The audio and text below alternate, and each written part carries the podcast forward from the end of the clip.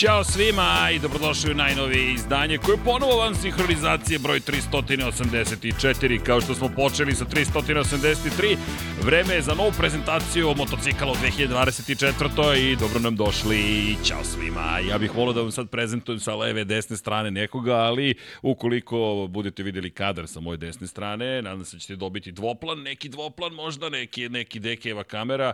Nema nikoga ali imate pozdrav Dekija. Dekija u nekim tajnim misijama do 4 ujutro bio aktivan, kao mi koji gledamo NFL ostali nismo, ali kako god, evo nas na pola sata od zvanične prezentacije Ducatija, za razliku od Gresinije koji ste mogli da pratite u subotu uveče, danas fabrički tim kreće zapravo od toga što će u 10.30 sve krenuti, ceo program i predstavljaju Moto Grand Prix, svetski šampionat u Superbajku, verovatno će i Moto E predstaviti negde usput, s obzirom na činjenicu da Ducati i ove godine, pred, to je ne predstavlja, nego proizvodi sve motocikle za električni šampionat i iz te perspektive vidjet ćemo šta su spremili, pošto svake godine unapređuju. No, prvo da vam poželim lepo dobro jutro. Nismo baš navikli u 10 ujutro da se uključujemo, tako da ovo posmetite kao jutarnji program Lab 76 i Infinity Lighthouse-a. Pozdrav za naše drage drugare Smiljana Banjca i Igora Brakusa. Inače, Smiljan radio otvoreno, to je međunarodno prvenstvo u tenisu Australije, tako da i onako će popodne biti ob-neob. Ko čeka ob-neob, morat ćete da sačekate popodnevne časove. Mislim da oni kreću od 15 ili 16, možda i 17 časova, ne zamerite mi, ne znam tačno, ali samo da pozdravim celu ekipu. Naravno, kliknite like, share, subscribe, to sve pomaže ukoliko ste već sa nama, ukoliko niste još uvek subscriber, to i tekako pomaže, naravno lajkovi takođe. Za one koji možda nisu pratili u subotu šta se zbivalo, pa pogledajte šta smo to radili zapravo s obzirom na činjenicu da je ekipa Gresinija u kojoj su Mark i Alex Marquez ove godine prva prezentovala zvanično motocikl kojim će se takmičiti, to je boje u kojima će se takmičiti u novoj sezoni s obzirom na činjenicu da oni koriste GP23, to je prošlogodišnju verziju Ducatija. Bilo je zanimljivo, da vam ne prepričavam, bacite pogled na taj video, potrudili su se u Gresiniju da urade što je bolji mogući spektakl. Vidi se da tu još ima posla i samo da budem jasan, pozdrav svima koji su i negodovali i rekli kako to tako tretirate? Taj tim, nikoga nije loše tretirao, Marka Markeza pogotovo ne, imate knjigu kod nas u prodavnici, dakle shop.infinitylighthouse.com, ali ono što je činjenica jeste da se videlo da nisu navikli na tako veliku scenu. I ta pompa cela koja je došla uz Marka Markeza nekako je mnogo velika za Gresini, makar van staze, ali to ne znači da će, ja mislim da sam skroz van sinka, Vlado, samo da znaš, moja ruka kasni, usne kasne, tako da, Kung Fu ponovo imamo Bruce Lee moment, ali pojenta je u sledećem, a to je zapravo da će Gresini, mi verujemo, biti veoma opasan tim ove sezone, ali da vidimo da li branioci titule mogu do treće uzastopne titule, naravno pre svega Francesco Banjaja kao predvodnik toga tima. I zato smo se danas iskupili, imamo još 27 minuta do početka glavnog dela programa, ali zašto smo ušli ranije? Pa trebalo je deki to bude tu, ali ne samo to, nadali smo se da ćete se vi pridružiti tako da dobro jutro za celu ekipu koja je sa nama. Dakle, hoćemo Dekija i ja hoću Dekija, ali nema ga, nema ga, tako da znate. Ali ono što je činjenica jeste da ćemo ove nedelje imati još par stvari. Evo da vam saopštim ekipa, mi ćemo u sredu prenositi, to, će možda tehnički biti malo zahtevnije, ali ćemo prenositi i, nadam se, još čekamo odobrenje, VR46 ekipe Enduro, dakle, tima, to jest nije Enduro tim, to je samo zapravo Pertamina Enduro, će se zvati VR46 tim, ali smo i dobili pozivnicu ekipe da se pojavimo u Ričoneu, tamo gde je i Gresini prezentovao svoj motocikl, tako da ćemo biti u Italiji preko sutra, tako da ukoliko imate neke želje, možda odemo i do pizzerije malo, do Tavulije, da ne kažem do Tavulje, pa da vidimo kako izgleda nova pizzerija. U svakom slučaju, ono što je činjenica je da ćemo ove nedelje imati malo drugačiji raspored redovnih podcasta, ne zamerite, ali počela je sezona i potrudit ćemo se da svih 11 timova prezentujemo kao što smo i obećali, s obzirom na činjenicu da moramo da dobijemo odobrenje od svake ekipe po osob, radimo na tome, hvala Gresiniju i hvala fabričkom timu Ducatija koji nam je dao takođe da danas predstavimo nešto što Dekiju se baš nije svidio naslov, ali pošto nije to, baš me briga, 50 nijansi crvene, zašto? Pa kao ne znamo da će biti motocikl crven, ali ljudi, ne znamo koja je crvena boja i koji će biti glavni sponzori, tu je Ducati, ekipa se potrudila, Vlada, Srki, Nikola, svi su ovde, sve se zacrvenelo, pa da vidimo za 2023. kako će izgledati jel te, ne samo boje, već i majice propratne, koje ne možemo da vam donesemo ove godine, jer smo izabrali ove godine malo da se bavimo prenosima, ali eto, moramo malo da skoknemo do Italije, pošto imamo mogućnost eto, da snimimo još neki sadržaj. Tako da, ukoliko želite nešto iz Italije da prenesemo, snimimo, pišite u komentare i naravno u chat Kaže, da vidimo, jutro iz Zadra, pozdrav Ante za Zadar, pozdrav za cijelu ekipu. Kaže, Biro, što nisi zvao Srki, mogao sam doći kao nestručni komentator, ali znam talijanski, engleski, ko vodu pit. Tako da, pa dođite, svratite do nas svakako. Svetogorska 46, ko je u Beogradu, evo, tu smo, ekipa je spremna, tako da znate. Inače, da pitanje, moram da odgovorim i da li će biti prenosan testa u Sepangu, još uvijek ne znam, iskreno, nemam pojma, zato što to saznamo negde u poslednji čas. Iskreno mislim da će ga biti, ali nemojte me držati za reč. Zašto to mislim? Pa evo, činjenica da smo se svi okupili, da na strane strpljenjem čekamo kadrove sa Madoni di Campillo i da je ove godine Moto Grand Prix nekako agresivno ušao u celu priču, nema pauze, Gresini ima prezentaciju uživo, imamo Ducativu prezentaciju, svih ostali, svi ostali timovi će imati prezentacije, stiže VR46 ekipa, imamo ceo raspored, e da, kad smo kod rasporeda, ajde da vam pročitam raspored kako će biti prezentacije organizovane, po kojem redu sve do ove sezone, Dakle, čitam raspored.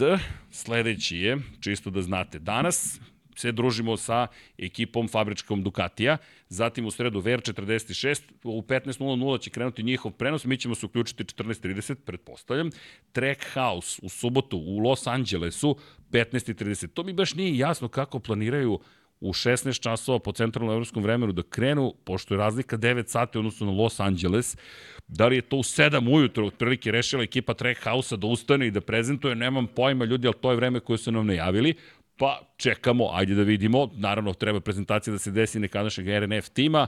Aprilija će obezbediti, ne GP, izvinjam se, Apriliju RSV četvorku za ovu sezonu za makar jednog vozača Miguela Oliveiru. E sad vidjet ćemo šta će biti sa Raulom Fernandezom, vjerojatno dobije stariji motocikl, ali to vam je u januaru ono što imamo. 5. februara, ko voli Yamahu, još čekamo vreme, imaćemo, to je ponedeljak prezentaciju Yamahe, 12. februara, 7 dana kasnije stiže KTM, 13. februara, utorak Honda, 15. februara u četvrtak Luče Čekinelo Racing Honda, zatim 18. februara u nedelju Aprilija i 28. februara, dakle 10 dana, ni danas pred početak sezone, Pramakovci. Tako da znate, čekamo naravno i informaciju o tome da li će biti prenosa testova, nemam predstavu u ovom trenutku, ali radimo na tome, tako da znate. Pozdrav iz, evo, jutro iz Zenice, pozdrav, kada će se moći kupiti majice u Hrvatskoj? Ante, radimo na tome, učlanili smo se u GS1 udruženje za bar kodove Srbije i čim dobijemo bar kodove možemo da izvozimo majice u, i ne samo da ih izvozimo, gde god da ih proizvedemo, da bismo ih prodavali u Hrvatskoj ili generalno na teritoriji Evropske unije, moramo da imamo bar kodove, mala smo deca, neuki smo, tako da smo sad to naučili i kad to završimo, šaljemo. Ninoslav kaže pozdrav iz Ćuprije. Pozdrav. Peko je upravo podelio vaš video na Instagramu. Stvarno? Nemam pojma, le, b, b, ok, ali eto, Peko, Banja, nemam pojma šta se zbiva sa svih strana, ali dobro, ako je Peko raspoložen, zašto da ne, to su lepe stvari. U svakom slučaju, da, moram to sad da ispratim, da vidim šta radi. Gde nam je Peko Banjaja? Bagnjaja, da vidimo, Banjaja Francesco, pa dobro, lepo, dobro, sad ne mogu baš da dođem do Instagrama brzinom kojom bih želeo, ali činjenice da je to spreman, lep provod i da se nadamo da će biti zabave. U svakom slučaju, eto nas u studiju na kraju univerzuma, čekamo još koliko, 21 minut. Pa taman imamo vremena za pitanje. Ima neko neka pitanja. Dolazite na sam knjiga u Sarajevu? Da, radimo na tome. Dobro jutro iz Rume, dobro jutro za Rumu. Može li se nekako prijaviti za volontera Infinity Labs kada budete dolaziti sam u Sarajevu? Kenane, može, samo se javite, molim vas, na labs, l, apple 76 at infinitylighthouse.com i samo to. Matija pita, a crvena majica Srki, ljudi, sve je crveno. Zamislite da sam još obukao crvenu majicu. E, ima ovo, crvena je tamo majica. Crvene su majice ovde. Očekivao sam iskreno Dekija jutro, crvena je boja, kao što vidite, svetla ovde, sve u crvenom, a i toliko često nosim crvenu majicu, pomislite ćete da navijem za Ferrari. Haha, ili za Ducati. Šalim se, nema navijanja, ali ljudi, sve je u redu a, hoćete raditi i F1 prezentacije. Pišemo upravo timovima Formula 1, i čekamo da li će nam dati zeleno svetlo ili ne. Prvi tim koji će se predstaviti je Zauber u Londonu 5. februara, koliko me sećanje služi. Tako da eto, Kristijan kaže pozdravi Sloveniju, pozdravi za Sloveniju. Srki, opet Alan Choke, nemojte sad NFL, to ćemo u petak u 99 yardi, jer sam vam lepo rekao da će da pobedi Kansas City, cijela ekipa rekla da će pobedi Kansas City, Jesmo, zašto? Zato što je to Kansas City, to je ta magija Patrika Mahomesa. Dakle, inače, Todor poslušali smo nije kasno uveče. Todor, ovo je specijalno izdanje Lab 76. Dakle, nastićemo mi sa podcastima. Ovo danas je prenos jer želimo da vidimo što pre kako će izgledati fabrički motocikli.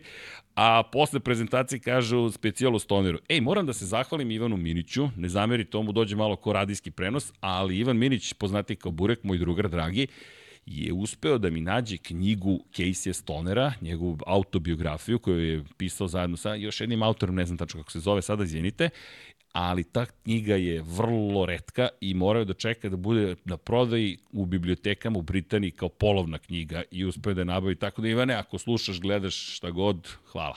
Zaista.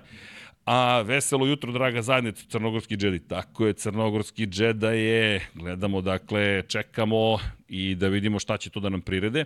Kažem, tu smo malo ranije, trebalo je malo da pričamo, ja ću vam sad ispričati šta smo mi sve planirali da mi ispričamo, ali čisto da bismo imali neku predstavu šta je to što nas čeka danas i pred kojim, pred kojim izazovom se nalazi ekipa Ducatija. Samo par stvari. Ducati danas je najmoćniji tim i proizvođač u šampionatu sveta u motociklizmu, kraljevske kategorije, takozvane Moto Grand Prix klase. Međutim, sada, danas, već postoji neka ozbiljnija istorija i Beko Banja je već istorijska ličnost u Ducatiju iz nekoliko razloga. Prva stvar, 2002. godine smo postavili zapravo stvari na neki nivo koji danas postoji i nazvali šampionat Moto Grand Prix. U to vreme to je bio šampionat od 500 kubika, dvotaknih motora, mada, mada, mada. Po pravilniku samo je bilo ograničenje na 500 kubika. Vi ste mogli da učestvujete sa četvorotaknim motorima. Međutim, ko je malo više upoznat sa motorima, sa SUS, takozvanim motorima, sa unutrašnjim sagorevanjem, dvotakni od 500 kubika motor i motor od 500 kubika četvorotakni nisu ni približno iste snage. Pre svega konjska snaga je u pitanju. Obrtni moment je uvek nekako na strani četvorotaktaša, ali ljudi nisu mogli da se porede, pogotovo što su ti motori imali tako kratak hod da je to išlo do, nije baš 20.000 obrata u minuti, to je negde 17-18.000, formula je išla čak u to vreme i preko do 20.000, ali pošto je to tehnologija koja je polako nestajala sa ulice, svetski šampionat u Superbajku četvorotakne motore je koristio i postojao sve popularniji. Dorna je u želji da zadrži važnost ovog šampionata, Moto Grand Prix danas, odlučila, pogotovo pod ozbiljnim lobijem japanskih proizvođača, prevashodno Honda, da započne novu eru i dozvoli da četvorotakni motori budu do 990 kubika, kubičnih centimetara kubikaže, bez ograničenja koliki broj cilindara je u pitanju, kakav će biti obim cilindara, hod i tako dalje i tako dalje. Samo je bilo definisano da je maksimum 990 kubika. Danas je to malo drugačije, danas morate da imate četiri cilindra, hod je definisan precizno, obim je precizno definisan i tako dalje. Tada, međutim, počinje era potpuno gludila. Dakle, Honda dolazi sa V5 motorom, Aprilia sa V3 motorom, Suzuki dolazi sa V4, Kawasaki dolazi sa V4 motorom i pojavljuje se Ducati, koji do tog momenta je bio poznat kao proizvođač samo V2 motora. Dakle, V2, čak je Honda pravila VTR Hondu da bi u Superbajku sa dvocilindričnim motorom pobedila Ducati u, jelte, njenom duelu. 2002. međutim počinje nova era. Zašto je bitno to? Zato što tog momenta Ducati saopštava da je spreman najzad da uđe posle 1000 godina u Moto Grand Prix šampionat. 2003 ulaze u šampionat Loris Capirosi, Troy Bayliss, fabrički vozači, potpuna ludnica s obzirom na činjenicu da su već u prvoj sezoni pobedili na nevelikoj nagradi Katalonije u Barceloni, konkretno Loris Capirosi, inače poznat kao čovek čiji rekord nije baš rekord, ali poslednji vozač koji je na tri različita motocikla slavio u kraljevskoj klasi, pobedio je čovek na, na svemu na čemu je sedeo. Na Yamahi, na Hondi, na Ducatiju Koga juri ove godine? Alex Rins, ukoliko pobedi na Yamahi, posle pobede na Honda i Suzuki biće na tri proizvođača pobednik. Imate zatim Jacka Millera koji ima priliku takođe to da postigne i Maverika Vinjalesa. Tako da, jure istoriju Vinjales Suzuki Yamaha i Jack Miller KTM Honda. Dakle, bit će zanimljivo. Elem, da se vratim na Ducati, ne zamerite, mora malo uvod da se napravi. Ducati e, više manje uspehe imao. Dakle, lepo je to počelo i u Kataloniji, inače to je bila šesta trka u istoriji Ducatija, ta pobeda. Međutim, 2004. ni jedna pobeda, samo dva plasmana na pobedničko postolje. 2005. Loris Capirosi počinje malo da ulazi u bolju formu, dve pobede beleži te sezone i onda dolazi 2006. kada je imao realnu šansu da osvoji titulu. Tri pobede zabeleže, međutim imao stravičan pad u Kataloniji i u momentu kada su Niki Hayden i, i Valentino Rossi bili bitku za titulu na kraju sezone, tačno je ponestalo poena, bio je treći u šampionatu. Potpisuju ugovor, međutim, sa Caseyem Stonerom u međusezoni, otpuštaju i Sete Gibernala, ne angažuju Troja Belisa, koji mi doneo pobedu i prvi dvostruki triumf te 2006. na kraju ere 990 kubika, ulazimo u eru od 800 kubika, Ducati dovodi Casey Stonera i čitam. Pobeda, peto mesto, pobeda, pobeda, treće mesto, četvrto mesto, pobeda, pobeda, drugo mesto, peto mesto, pobeda, pobeda, pobeda, treće mesto, šesto mesto i titula u Japanu, pobeda, pobeda, drugo mesto, šampion sveta Casey Stoner, protiv Valentina Rostija. 367 poena u onoj eri, pri čemu tada nismo imali veliko trka, mada smo povećali broj na 18. Elem, sledeće godine ne uspeva da odbrani titulu, Valentino Rossi uzima Bridgestonove gume i šš, vraća se na vrh, pobeđuje Casey Stonera i 2009. 2010. Casey još uvek pokušava nešto da učini, tada imao i, i puno zaista problema, misteriozne bolesti su ga pogodile još u 2009. godini, međutim u 10. uspeva nekako da dođe do ponovo izražaja. Inače, u tim godinama bio treći, treći, treći, treći u šampionatu i dolazi nova era, potpisuje Valentino Rossi za Ducati. To je to, titula stiže, međutim, nema ni približno onih željenih rezultata. Inače, da, inače Stoner, ne, izvinjavam se, nije bio treći, nego je Ducati bio treći u šampionatu konstruktora uspevaju da ostanu tu negde, ali ljudi, od pobede u Australiji 2010. Ducati nije pobedio do kada? Do Austrije 2016. godine sa Kim Sandreom Jenoneom. Mi smo danas u 2023. Doviciozo je bio blizu titule 17. 18. 19. hajde da kažemo da se borio, nije baš bio blizu, sve su to godine dominacije Marka Markeza, dolazi 2020. godina COVID i povrede Marka Markeza, dolazi 2021. inače Suzuki osvaja 2020. Opet Ducati ništa ne uspeva, ostaje dalje jedna titula Casey Stonera i onda dolazi Peko Banjaja, titula 2022. titula 2023. i sad dolazimo do 2024. Zašto je važna? Vrlo mali broj vozača je u istoriji zabeležio tri titule za redom. Poslednji kom je to pošlo za rukom, Mark Marquez, koji je imao četiri za redom pre nego što se povredio, 2019. 18. 17. i 16.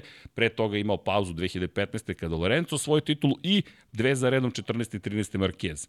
Pre toga, poslednji koji ima uzastopne titule Valentino Rossi u spomenutim 2008. i 2009 i pre toga pet za redom. Inače, ja sam i dalje ubeđen da je Mark Marquez pokušao 2020. da se vrati kako bi osvojio tu petu titulu za redom, izjednačio se ukupnom broju titula sa Rosijem od devet. Pre toga moramo se vratimo do Mika Duana i pet njegovih titula. Tako da ovo što danas, to jest što danas ćemo videti, je možda početak još jedne istorije za Peka Banjaju. I zato je to toliko uzbudljivo, imamo još 12 minuta da sve to krene. Pored toga, moram da se osvrnem i na svetski šampionat u Superbajku. Ne zamerite, trenutno ne čitam pitanje, ali ću se brzo vratiti tome. Svetski šampionat u Superbajku u kojem trenutno imamo dvostrukog šampiona uzastopnog Alvara Bautistu je takođe mesto gde baš ne osvete titulu tek tako i jednu za drugom. Dakle, to su veliki šampioni koji su uspevali u tome. Ja ću vam pročitati sada ko je uspevao da, da, da odbrani titule. Očigledno Alvaro Bautista. Pre toga, hu, hu, Jonathan Johnny Rea. 2020. 19. 18. 17. 16. 15. Šest titula za redom na Kawasaki, inače ove godine na Yamahi će biti. Pre toga, Silvan Gintoli, Tom Sykes, Max Biaggi, Carlos Čeka, Max Biaggi, Ben Spies, Troy Bayliss, James Tozland, Troy Bayliss, Troy Corser, primećujete, nema nikoga pre Johnny Re do koga? Do Karla Fogartija. Ko se seća Karla Fogartija? Karl Fogarti četiri titulu svoju, ali dva puta po dve titule. Onda idemo na Kadagu Polenu koja je 92. 91. svaja i prvi šampion u istoriji Fred Merkel, čuveni amerikanac koji je otvorio telu tu priču. Tako da, Troy Bayliss tri titule, Karl Fogarty četiri titule, Jonathan Rea šest titula, to su najuspešniji vozači kada je reč o Superbajku i Alvaro Bautista bi mogao da uđe jedno elitno društvo ukoliko osvoji titul. Tako da ćemo danas videti njegove motocikle i ne samo njegove, prosto da ispoštujemo i Nikolu Bulegu ćemo videti novog fabričkog vozača Superbajka Ducatijevog, vidjet ćemo Neo Bastianinija i vidjet ćemo naravno kakve su boje za GP24 i koja nijansa crvene će ovde da padne. Tako da samo mislim da je mnogo važno što imamo istoriju i sad u subotu smo imali sa Gresinijem koji je privatni tim, ljudi, Nadija Padovani je u diskoteci. Za one koji ne znaju, pogledajte prezentaciju. U diskoteci u kojoj je kao mlada devojka plesala, zabavljala se, ludovala i organizovala prezentaciju ekipe koju je stvorio njen izabranik Fausto Gresini koju ona nasledila i pretvorila u pobedničku ekipu. U diskoteci Mark Marquez, Alex Marquez. Alex dve titule, Mark osam titula. Deset titula šampiona sveta u Ričoneu. Bićemo za dva dana u Ričoneu. Valentino Rossi je to zapravo i uveo kao modu zajedno sa svojim italijanskim kolegama. Fausto Gresini je rođen u Italiji, nažalost preminuo u 60. godini života, to je doživeo 60. i mesec dana kasnije preminuo usled posledica COVID-a. Nadija Padovani je napravila dakle opšti haos.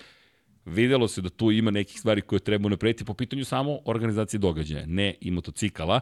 I evo nas, dva dana kasnije, istorija za Ducati. Zašto? Zato što ukoliko uspeju ove godine, Banjaja konkretno, ili Bastianini da osvoje titulu, mada mislim da je Banjaj mnogo veća stvar da osvoji titulu, jer Ducati ukoliko i nastavi Ducati po pitanju šampionata konstruktora, ne znam ko će ga ugroziti. Sa osam motocikala gde imate Banjaju, Bastianini u fabričkom timu, Jorgea Martina i Franka Morbidelija u, u Pramaku, zatim Marka Markeza i Aleksa Markeza u Gresiniju i Marka Becekija i Fabio Di Antonija u VR46 ekipi ko može da se suprotstavi toj sili po pitanju šampionata konstruktora? Ja stvarno ne znam. Šta će KTM sa Bradom Binderom, Jackom Millerom i, ok, dodat ćemo dva gas gasova vozača, Augusta Fernandeza i Pedra Acostu, teško. Teško protiv osam vozača. Honda, koja se tek oporavlja, koja je tek stiga u Luka Marini, zadržava Joana Mira, stiže na Hondu posle koji je čovjek vozio par trka na Hondi Joan Zarko i ostaje Takaki na Kagami, Yamaha koji ima samo dva motocikla sa Fabijom Kvartararom i Aleksom Rinsom,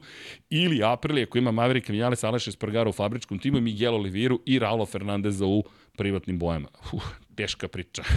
teška priča, Suzuki je već otišao pre dve godine, izašao iz šampionata.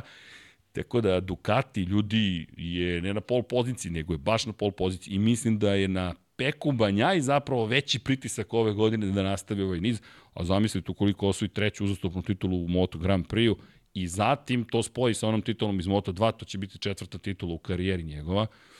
Ozbiljan posao. Tako da, baš sam uzbuđen da čekam da vidim kako sve ovo izgleda. Inače, za one koji se pitaju zašto Madonna di Campillo, Madonna di Campillo je čuveno mesto gde su Ferrari i Ducati godinama pre velike globalne krize, a i par godina posle toga prezentovali motocikle. Čuvena je bila, najčuvenija 2011. Valentino Rossi, Fernando Alonso, Ducati, Ferrari. Ljudi, to je najskuplja bila stvar. Uzeli su helikoptere i popeli su na vrh gore planine i Ducati, GP11 i Ferrari, nećem se koja je bila verzija Ferrarija tada, imate Fernando Alonso i Valentino Rossi zajedno praktično u istim bojama. Filip Morris, inače proizvođač duvana, je bio, da kažem, glavni sponsor koji je stajao iza toga. Sada Lenovo stoji iza Ducatija i Audi, koji je kupio 2012. godine celu fabriku Ducatija i uveo je u Volkswagenov, jel te, konglomerat. Tako da, ovo danas što ćete vidjeti, verujem da će biti još skuplje. Inače, ko želi na engleskom, imate na zvaničnoj YouTube stranici Ducatija, ko želi na italijanskom, imate na zvaničnoj stranici YouTube-ovoj Ducatija. Mi smo dobili dozvolu i kažem još jednom hvala medijskoj ekipi koja nas je obskrbila svim podacima. Moram priznati da iza kulisa ozbiljna mašinerija i po tom pitanju. Dakle, Gresini ima jednog čoveka koji multitaskuje sve što stigne otprilike. Ovde imate četvoro, petoro ljudi koji učestvuju u celom projektu i procesu i to se jasno vidi.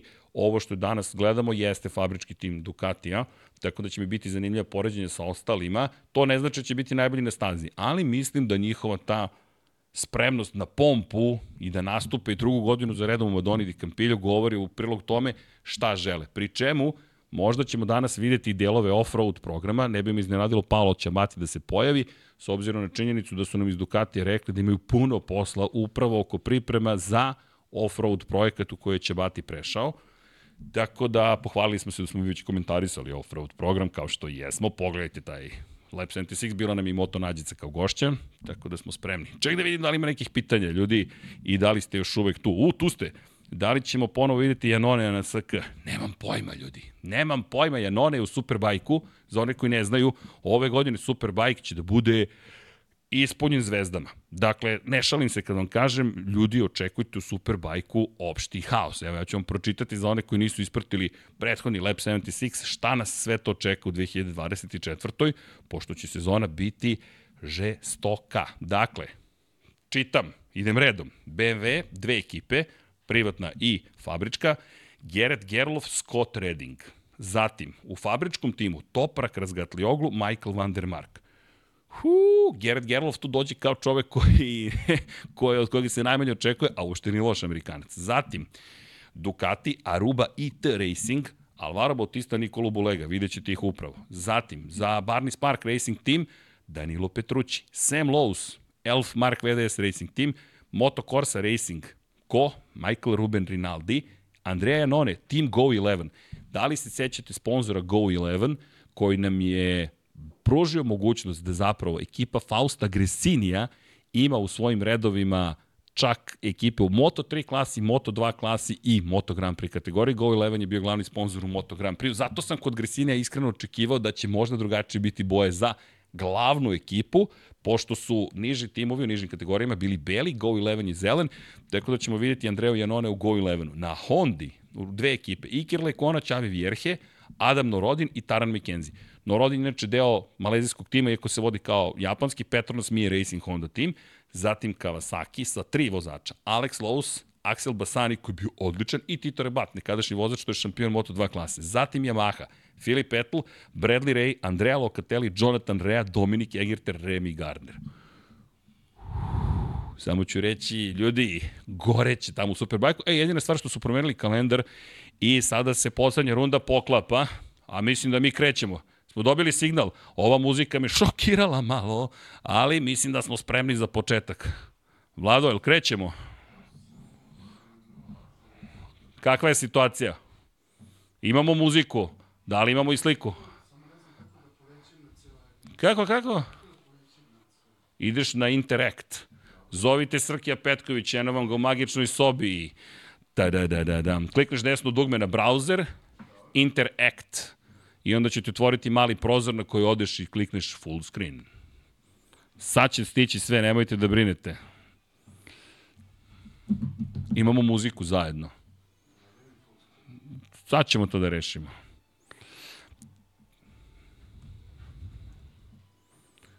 Da, da, da, da, da. Mm, mm, mm.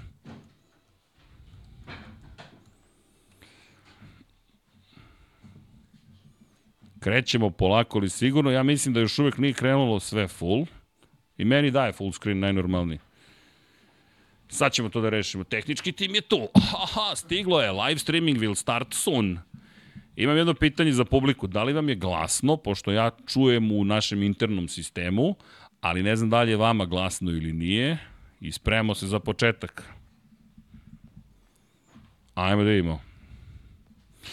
Srki, šta misliš ako Beštaj ne uradi ništa specijalno, ko će ga zameniti? U, teško pitanje. Srđan Lukić pita, zašto je teško pitanje? Šta ako Mark Marquez osvoji titulu? I jel Ducati kaže ostaješ u Gresiniju ili kaže ti moraš da nosiš crveno? Šta ukoliko Jorge Martin kaže ponovo, ja želim da budem deo vaše ekipe i oni kažu, ok, Jorge, dođi da budeš deo ekipe. Razumete? Tako da, ne čuje se ništa, kaže. E, Srki, moraš da aktiviraš audio properties monitor and uh, monitor and output. Sad ćemo da sredimo. Ja pevam sam sebi, imam muziku u slušalicama, ali hvala što ste rekli. Sad ćemo, sad ćemo, zvuk ćemo da sredimo. Mm, du, du, du, du, dum. Ja vam pevam, evo. Ne, sad odjekuje, to sam ja. To se pogrešno ste stavili monitore na output. Znači, to treba i morate da ga pojačate tamo u audio. Ako ne uspeju, sad ćemo da sredimo. E, drugari, dajte mi sekund, pratite kampioni in, jel čujete sada? E, sad čujete. Pomozite nam da znamo, da li se čuje muzika. Hrvoje kaže, ma ništa to, Peko uzima opet. Ljudi, jedva čekam sezonu, odmah da vam kažem, bit će zabava. Ne, u slušalicama se čuje, samo ne znam da li se čuje u izlazu. A gde je Deki? Evo ga, sad je okej, okay, to vam kažem. I je li glasno ili nije? To. Samo nam recite ukoliko je preglasno, onda da mi uživamo. To. Deki, Deki inače radi jedan tajni projekat koji ćete, s kojim ćete biti upoznati 22. februara 2024. godine i zato ga nema do 4 je bio aktivan i onda smo se dogovorili, a Paja se razboleo inače, tako da Paja ne može večeras da bude u Lab 76, pa ćemo Deki i ja da pokrijemo, u, sad je baš glasno. Dakle, imat ćemo Mislim da morate malo da stišate, jer ću ja da vam oglovim lagano. Onako, moraš staviti slušalice vlada da bi znao koliko je glasno. Malo tiše, malo tiše. Morate tamo audio da smanjiš. Tu ga smanjuješ. Jesi stavio control by OBS? Sad ćemo mi ovo da sredimo. Sad ćemo malo tiše, bez brige.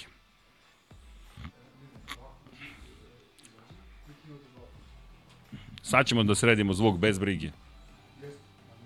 I sad smanjite zvuk. Ne, ne, baš piči. Dođi vamo, dajte meni, sad ćemo da sredimo, bez brige. Samo sklonite mene sa kadra. Aha,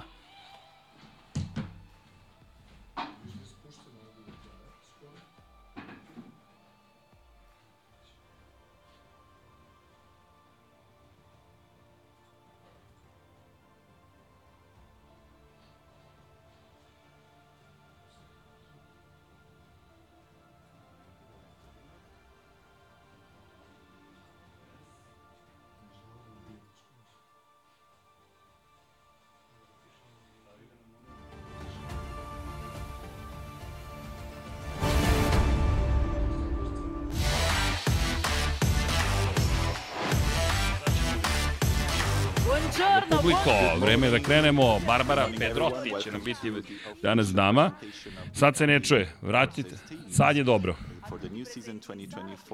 Ćao svima i dobrodošli svi koji ste povezani na naš streaming servis. Vratili smo se u, na ovu nevjerojatnu lokaciju i Madoni di Campillo posle nevjerovatne godine pune uspeha za Ducati. Je sad okej? Okay? To sad je okej. Okay i hvala domaćinima koji su nam pružili priliku da ponovo budemo ovde zajedno sa šampionima koji će se uskoro pojaviti na Bini, ali pre toga da pozovemo osobu koja predstavlja ovaj region zapravo U, sad smo dobili neki novi zvuk. Dobro, tamo kod njih malo je glasnije, ali to je sve u redu. Ne možemo da utičemo na sve. Dobro jutro svima, inače Tulio Stefani, videli ste, je u pitanju čovek koji predstavlja Tron Trento između ostalog i ovo vam je malo Serafin, izvinjam se, reklama malo za Madonu di Campillo. I ovo je drugo izdanje Madonna, Campioni di, in Pista.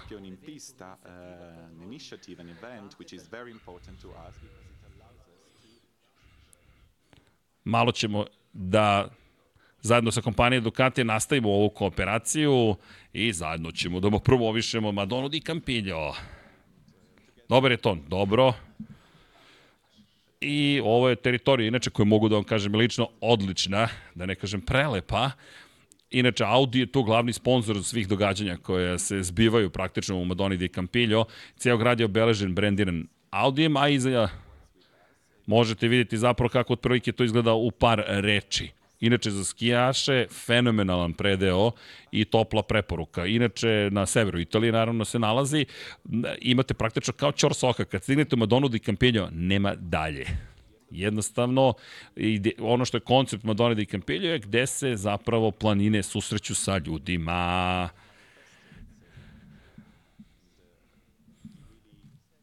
Inače, opet ponavlja o tome da je ovo kombinacija zapravo i kolaboracija i veza između prirode i ljudi u Madoni di Campillo kroz praktično zagrljaje. Pa to vam kažem, mazite se i pazite se. Mazite i pazite se uzajemno i volite i prirodu.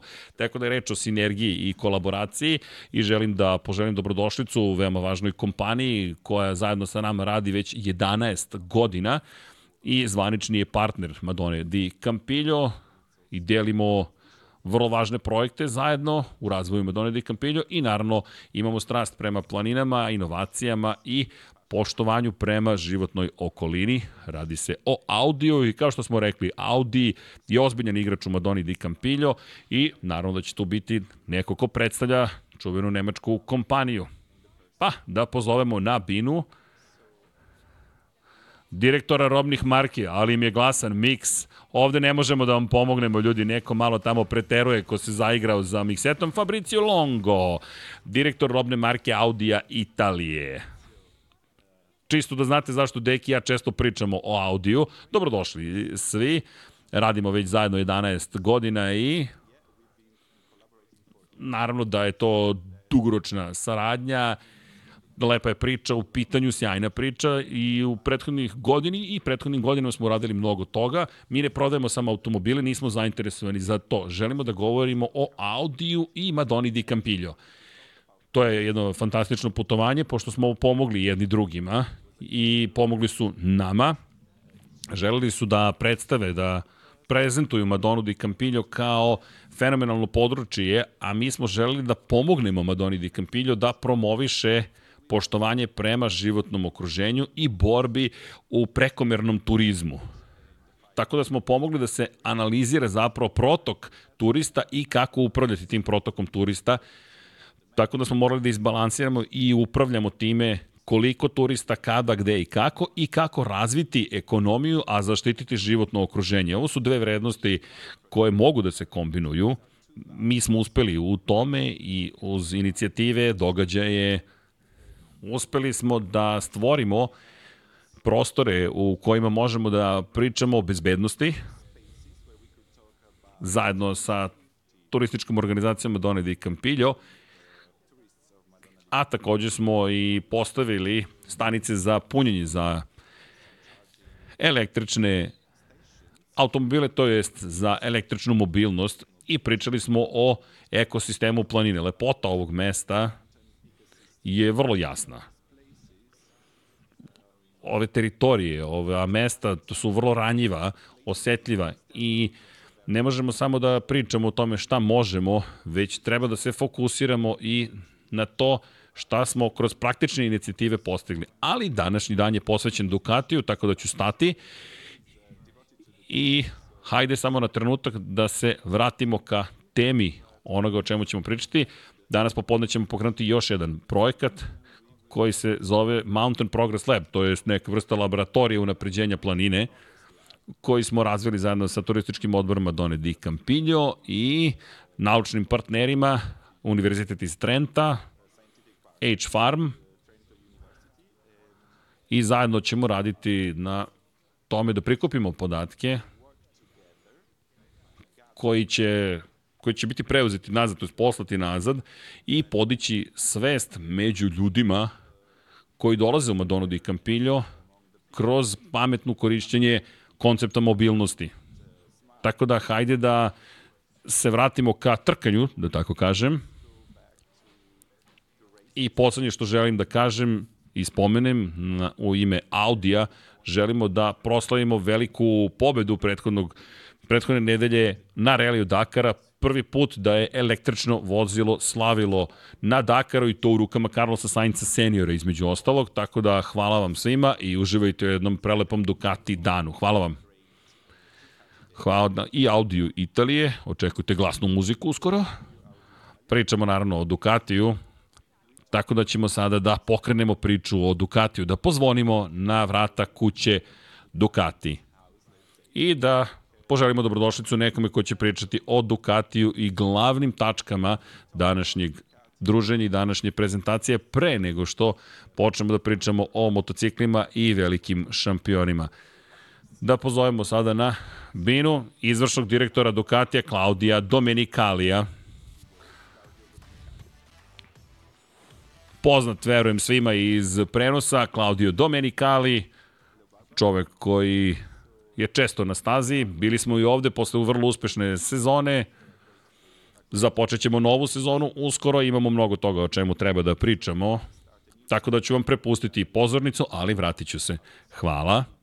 Želim da vam poželim svima dobrodošlicu.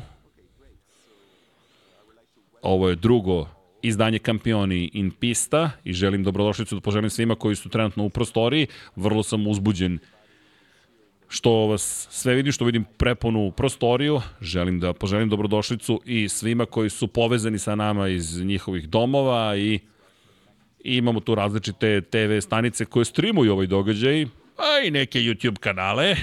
Tako da je zahvalan za interesovanje, nema na čemu i drugi put. U svakom slučaju, hvala što ste došli u Madonu di Campillo, lokaciju koja deli sa Ducatijem zajedno vrlo važne vrednosti.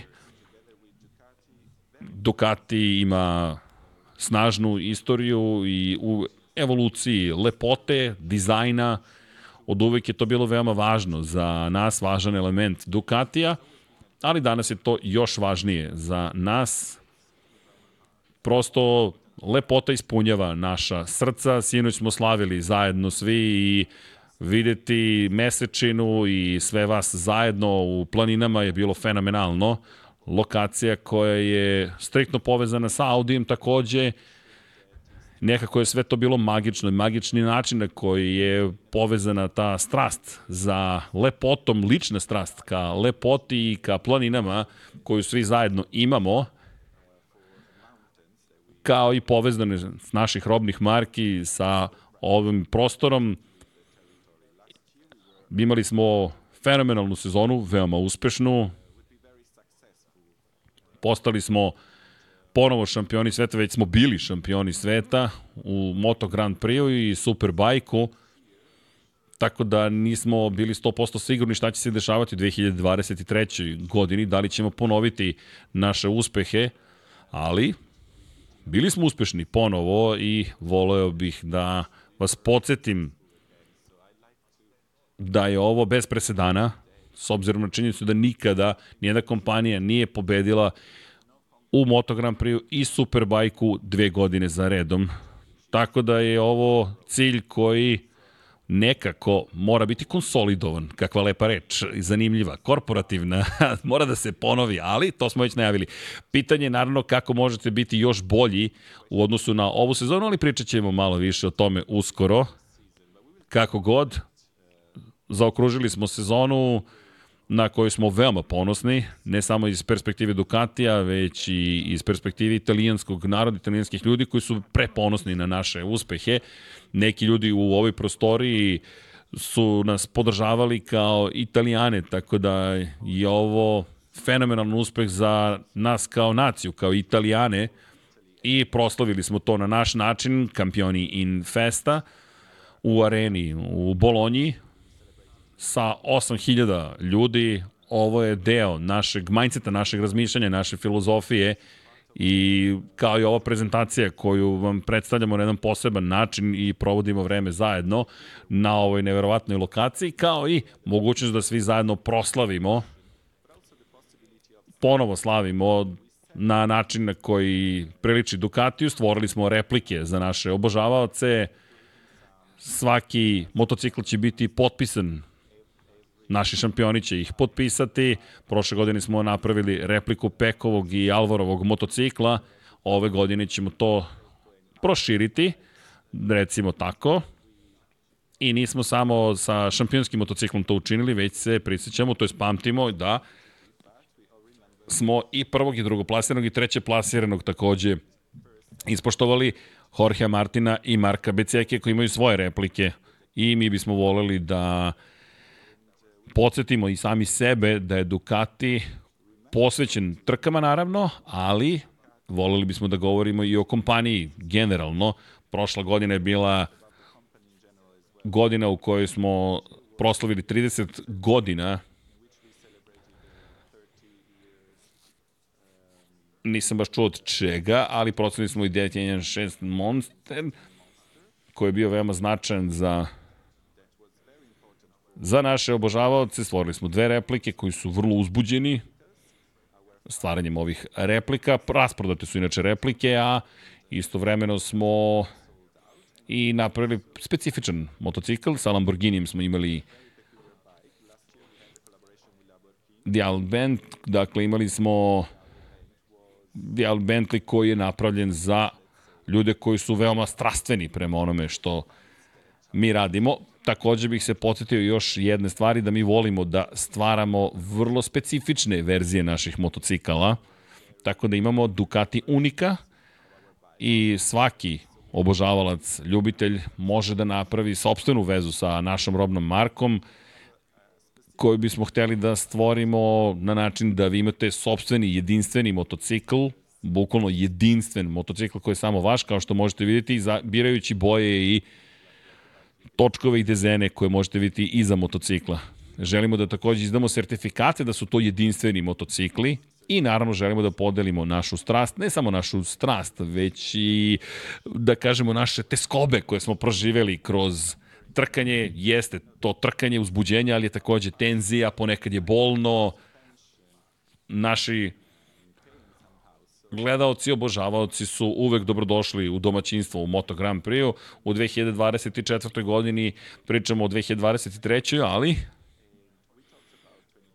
pred nama je naravno 2024. Tako prosto funkcioniše svet. Završili smo sezonu, slavili smo tokom božićnih praznika, sada počinje nova sezona i ovde smo da pričamo o sportskom programu i spremni smo da prezentujemo Ducatijev pristup prema ovoj novoj godini. Pričat ćemo o Moto Grand Prix-u, pričat ćemo o Superbajku. Imamo dva vrlo konsolidovana tima. Fabrički tim Lenovo i Ruba IT Racing, Ducati takođe Superbike tim koji je fabrički. Pričamo o dva solidna tima, to je stabilna, snažna, sa, koji imaju važne trkače u svojim redovima, koji će se možda malo više mučiti ove godine, s obzirom na činjenicu da smo u svetu u kojem je bilo nekih promena, kada je reč o pravilniku, Ducati je mnogo toga osvojio, ali su se pravila promenila i shodno tome stvari će biti teže za nas. Tako da naši konkurenti su, da kažemo, dobili seriju određenih prednosti. Neki su osvajali dve titule, međutim, imat ćemo penale zbog toga, ne dešava se baš u svim šampionatima. To pričao sam o tome, pričao sam o skijanju i čak i u skijanju, oni koji su na prvim pozicijama, ma, i oni dobiju hendikep ove godine. Imamo tu Guido Medu, zajedno sa nama, čuveni italijanski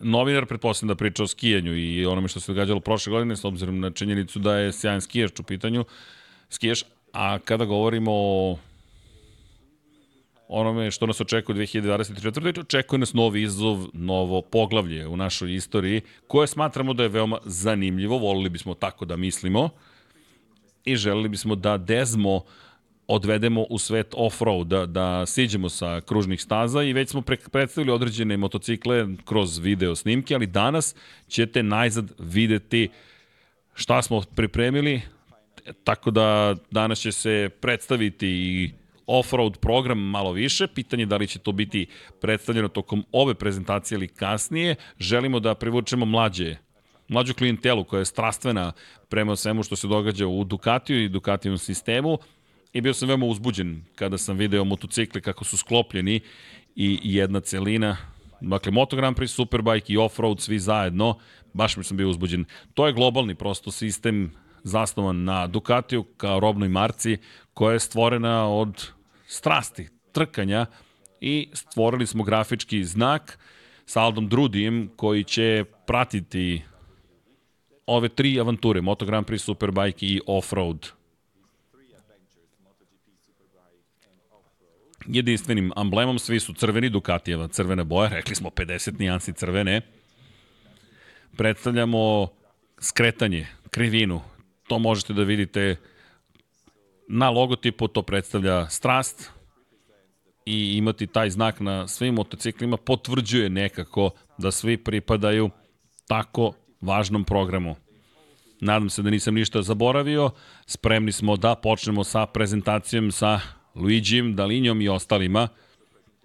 Mislim da su svi spremni da započnu novu sezonu zapravo, a mislim da smo i mi spremni jer u, našim, u vašim očima i srcu imati dalje emocije i ubeđenje, snagu iz prethodnih sezona, ukoliko se slažete, hajde da pogledamo kako je izgledala prethodna sezona.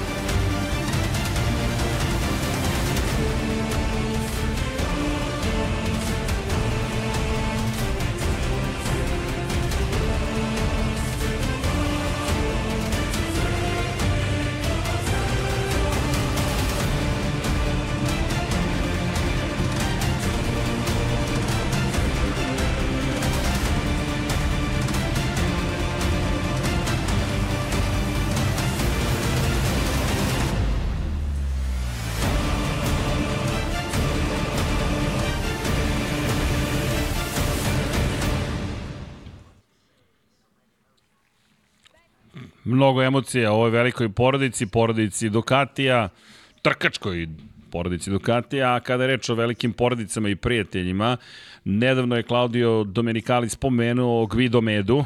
Guido, videli smo te u javnosti, iskoči na, na binu, upoznaćete i Guida Medu, čuveni italijanski novinar, imamo raspored, ali ponekada odlučimo da promenimo raspored i da improvizujemo. Ne mogu da te ne pozovem na binu. A, prelepa si. Dobro, naravno da mora da padne i kompliment. Ili on prelep, ne znam, kako god.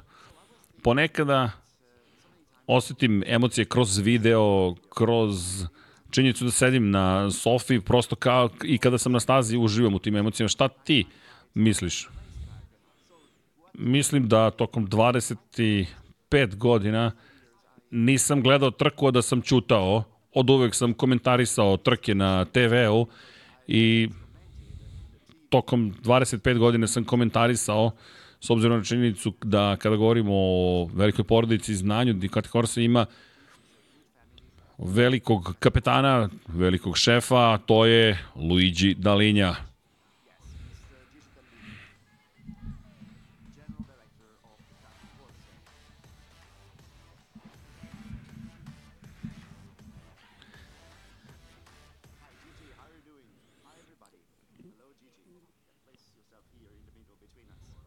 Pre nego što malo pre sam zapravo videla da nešto pričate jedan drugom. Ja uvek slušam intervjue sa vozačima, nisam htela da te pitam šta govorite jedan drugome, ali me zanima sada ovde da Guido, postaviš pitanje koje si malo prepostavio. Zanima me odgovor. Da, zašto da ne? Jedan od novinara je pitao da vidimo i naravno, novinari postavljaju pitanje, drugi odgovaraju na kako žele. Điđi može da odgovori naravno sada drugačije nego malo pre kada nisu kamere bile upaljene i mikrofone. Iz prosto razodzalosti sam postavio pitanje, Điđi pričat ćemo malo kasnije o detaljima, ali ono što mene zanima, kada ste testirali u Valenciji, ne znam koju evoluciju ste motocikla u odnosu na ono što ćete voziti u 2024. imati, ali kada ste testirali motocikl sa Pekom i Nejem Bastianinijem, zaključak je bio, Banjaja izvukao zaključak da je srećniji, slobodniji, ali nismo znali šta to tačno znači. Da li možeš da nam objasniš Banjajin komentar zašto je toliko bio zadovoljan novim motociklom? Pa da, tačno imam već mikrofon, tako da ne brini. Ali test u Valenciji je poseban posle tako posebnog šampionata u, kako sam imali 2023. Vrlo je teško, teško je uraditi test i fokusirali smo se na detalje, ovoga puta mnogo više, pogotovo na motor sa unutrašnjim zagorevanjem. Na kraju dana motor je deo motocikla koji će zapravo biti zapečaćen za celu sezonu, ne možete da ga menjate, to je Ducati ne može, Honda i Yamaha mogu po novom pravilniku. Dakle, morate da napravite dobar, moćan motor i naravno pouzdan sve mora da bude savršeno, ne sme da bude grešaka. Naši vozači moraju da rade savršeno tokom cijele sezone sa osam motora koliko imaju na raspolaganju. Tako da je Pekov komentar bio na konto motora, bio je vrlo srećen zbog motora načina na koji smo ga napravili. U prethodnim godinama smo mnogo napredovali i povećali snagu, u prethodnim godinama je bilo teško povećati snagu, povećati performanse generalno motora. Međutim, ove godine mislim da smo napravili korak u napred, veoma značajan korak iz te perspektive, perspektive motora. I mislim da je Peko shvatio to i da je to bilo vrlo jasno. Istovremeno ponašanje celog motocikla, to je motora generalno i kako to utiče na motocikl, a to je jedna od ranih verzija. Tako da ne smete ništa naravno da uzimate zdravo za gotovo. Na kraju testa Peko je bio ekstremno zadovoljan motorom i motociklom generalno. Da, ovo je veoma značajno za naše, vaše vozače. Pored prelepe prezentacije u Madoni di i prelepih motocikala koje, će nam, koje ćete nam predstaviti, želim da razumem u kojoj ste fazi kada je reč o tituli šampiona sveta. Želite da se trkate svake godine, se borite toliko sada imate zapravo motocikla na stazi, pretpostavljam da je isto i za vas, dizajniraš, dizajnirate motocikle, idete na stazu sa njima, šta da očekujemo ove godine, s početka godine pre svega. Pa početak sezone je najteži svake godine, pošto ćemo dobiti sve delove da sklopimo motocikle, imamo tako mnogo motocikala na stazi koji se trkaju, bit će ovo vrlo kompleksna godina i znate šta smo učinili prošle godine i do sada generalno, koliko smo ih razvili, ali nikada ne znate šta su konkurenti učinili, šta oni rade kod sebe kući i to je uvek moment pun tenzije, adrenalina, napuštamo prvi test uz, uz mnogo tenzije i adrenalina na tokom prvog dana testiranja čujete prosto gromoglasne motocikle sve zajedno i adrenalin čini svoje, prosto ode u stratosferu. Veoma smo srećni onim što smo mi učinili. Drugačija nam je oplata odnosno na ono što smo koristili do sada. To ono što nas zanima, da vidimo kako izgledaju te motocikli. Iz ove perspektive uvek smatramo da ono što uradimo jeste lepo, je jednostavno na pogled, ali zapravo nije. U Sepangu će vozači morati da procene šta smo tu učinili s motorima i sa šasijom i motorom generalno, motociklima generalno. Dakle, ti si vođa dizajna, dizajnerske grupe, dizajnerskog tima i ti na kraju dana vidiš prednosti to jest šta ste postigli, vaš rad šta je postiglo, ali možeš da vidiš i šta niste postigli, to jest koje su stvari koje biste mogli da uradite bolje, neke stvari koje se nisu desile onako kako ste želeli i planirali. Ali je istovremeno istina da si, to je da je činjenica da si ti menadžer, ali da ne dolaze svi, sve ideje iz tvoje glave. Od, ti si rođen 1966, imaš belu bradu, imaš, još uvijek imaš makar kosu, ali mogao bi i da gubiš kosu, što je česta situacija kada imaju ljudi mnogo iskustva, ali rezultati ovde nisu samo na zaslugama. Ne, mi smo kada je reč o načinu rada porodice i svi moraju da dobiju zasluge, da, da, da, da budu istaknuti. U našem domu Borgo Panigale u tako mnogo ljudi radi na mnogo toga kako bi našim vozačima omogućili da imaju vrlo brze i, pouzdane motocikle. Tako da svaku priliku koristim koju dobijem svaka čast na obavljenom poslu svima koji rade sa mnom i koji su Ducati učinili tako posebnim. To je sve što se mene tiče. Naravno, lepo je slušati Gigi Dalinju, lepo je slušati Guida Medu i pričati o tome koliko voli i koliko su lepi motocikli, ali činjenica da mnogo ljudi posvećuje prosto svoje dane ovim motociklima kako bi bili toliko brzi kada pričamo o oplati i kada pričamo generalno, mislim o osjećaju koji nam pružuju motocikli, da je došao trenutak kada treba da, da, da predstavimo nove motocikle za 2024. Iskreno da se nadam da su to zaista motocikle za 2024. Hvala svima, spremamo se za početak nove sezone. Ajmo da vidimo kako će izgledati ta nijansa crvene koju s nestrpljenjem iščekujemo.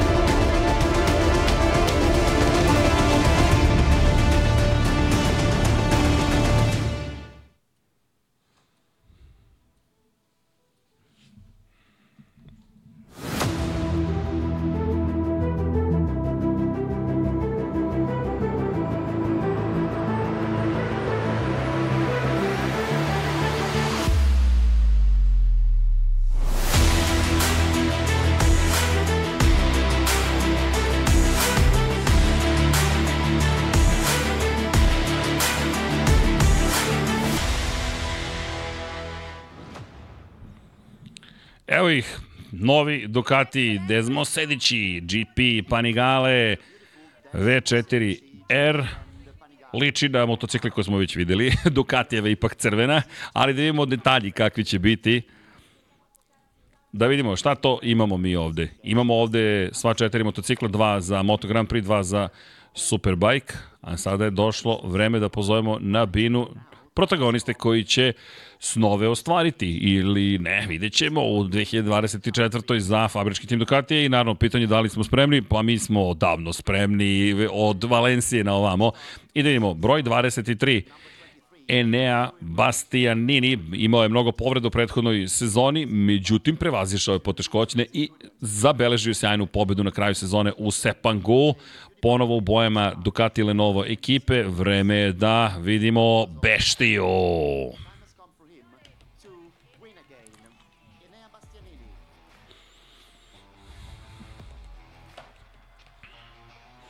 Ćao Enea, kako si? Dobrodošao na pozornicu.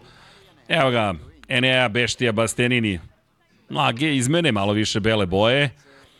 Odmah na motocikl naravno se ide, nema stajanja na bini. A, kao što možete vidjeti,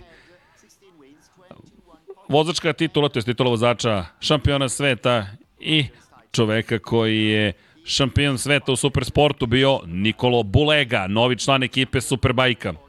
Inače, ukoliko vidim konstataciju da nema IT tona. Ljudi, nema ga u pozadini, nema veze sa nama. Sve je okej okay sa nama, nego IT ton koji dolazi sa Bine je slab. Evo ga Nikolo Bolega, čovek koji je osvojio titulu inače u juniorskom Grand Prix sa brojem 46 bio Akademije VR46.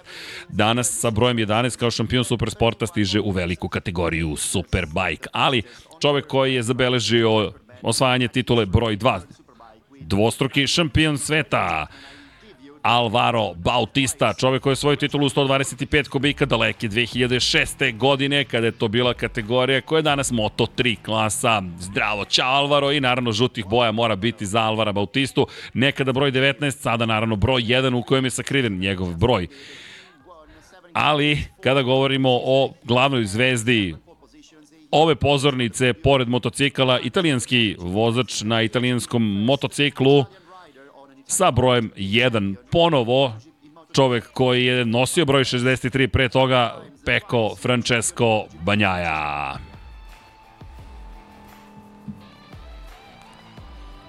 Ćao Francesco, njima tamo kasni zvuk, da ne brinete, nije do nas. Ćao Francesco, spomenuli smo Superbike, Moto Grand Prix, a i Supersport je spomenut. Ajmo da iskoristimo priliku što je prisutan naravno i šampion sveta u Moto Grand Prix. Ajmo da vidimo s kim ćemo prvo da pričamo. Ćao svima, opet Guido Meda se vraća na binu, pa lepo. Iskoristite priliku što je tu, ali između dva Moto Grand Prix vozača dolazi Guido Meda. I naravno sa desne strane bine se nalazi Moto Grand Prix. Ko je gledao Gresiniju prezentaciju zna o čemu pričamo, ali pričali smo o zabavi koju smo proživeli gledajući vas, ponekad smo malo i patili. Jesi li slušao pitanja koje sam postavio Điđu, da li ste zadovoljni tvom, tvojim odgovorom iz Valencije da si, se, da si bio nasmejan u Valenciji? Rekao sam Gigi da kada si završio test u Valenciji si bio nasmejan i presrećan poput deteta. Zašto si se smejao?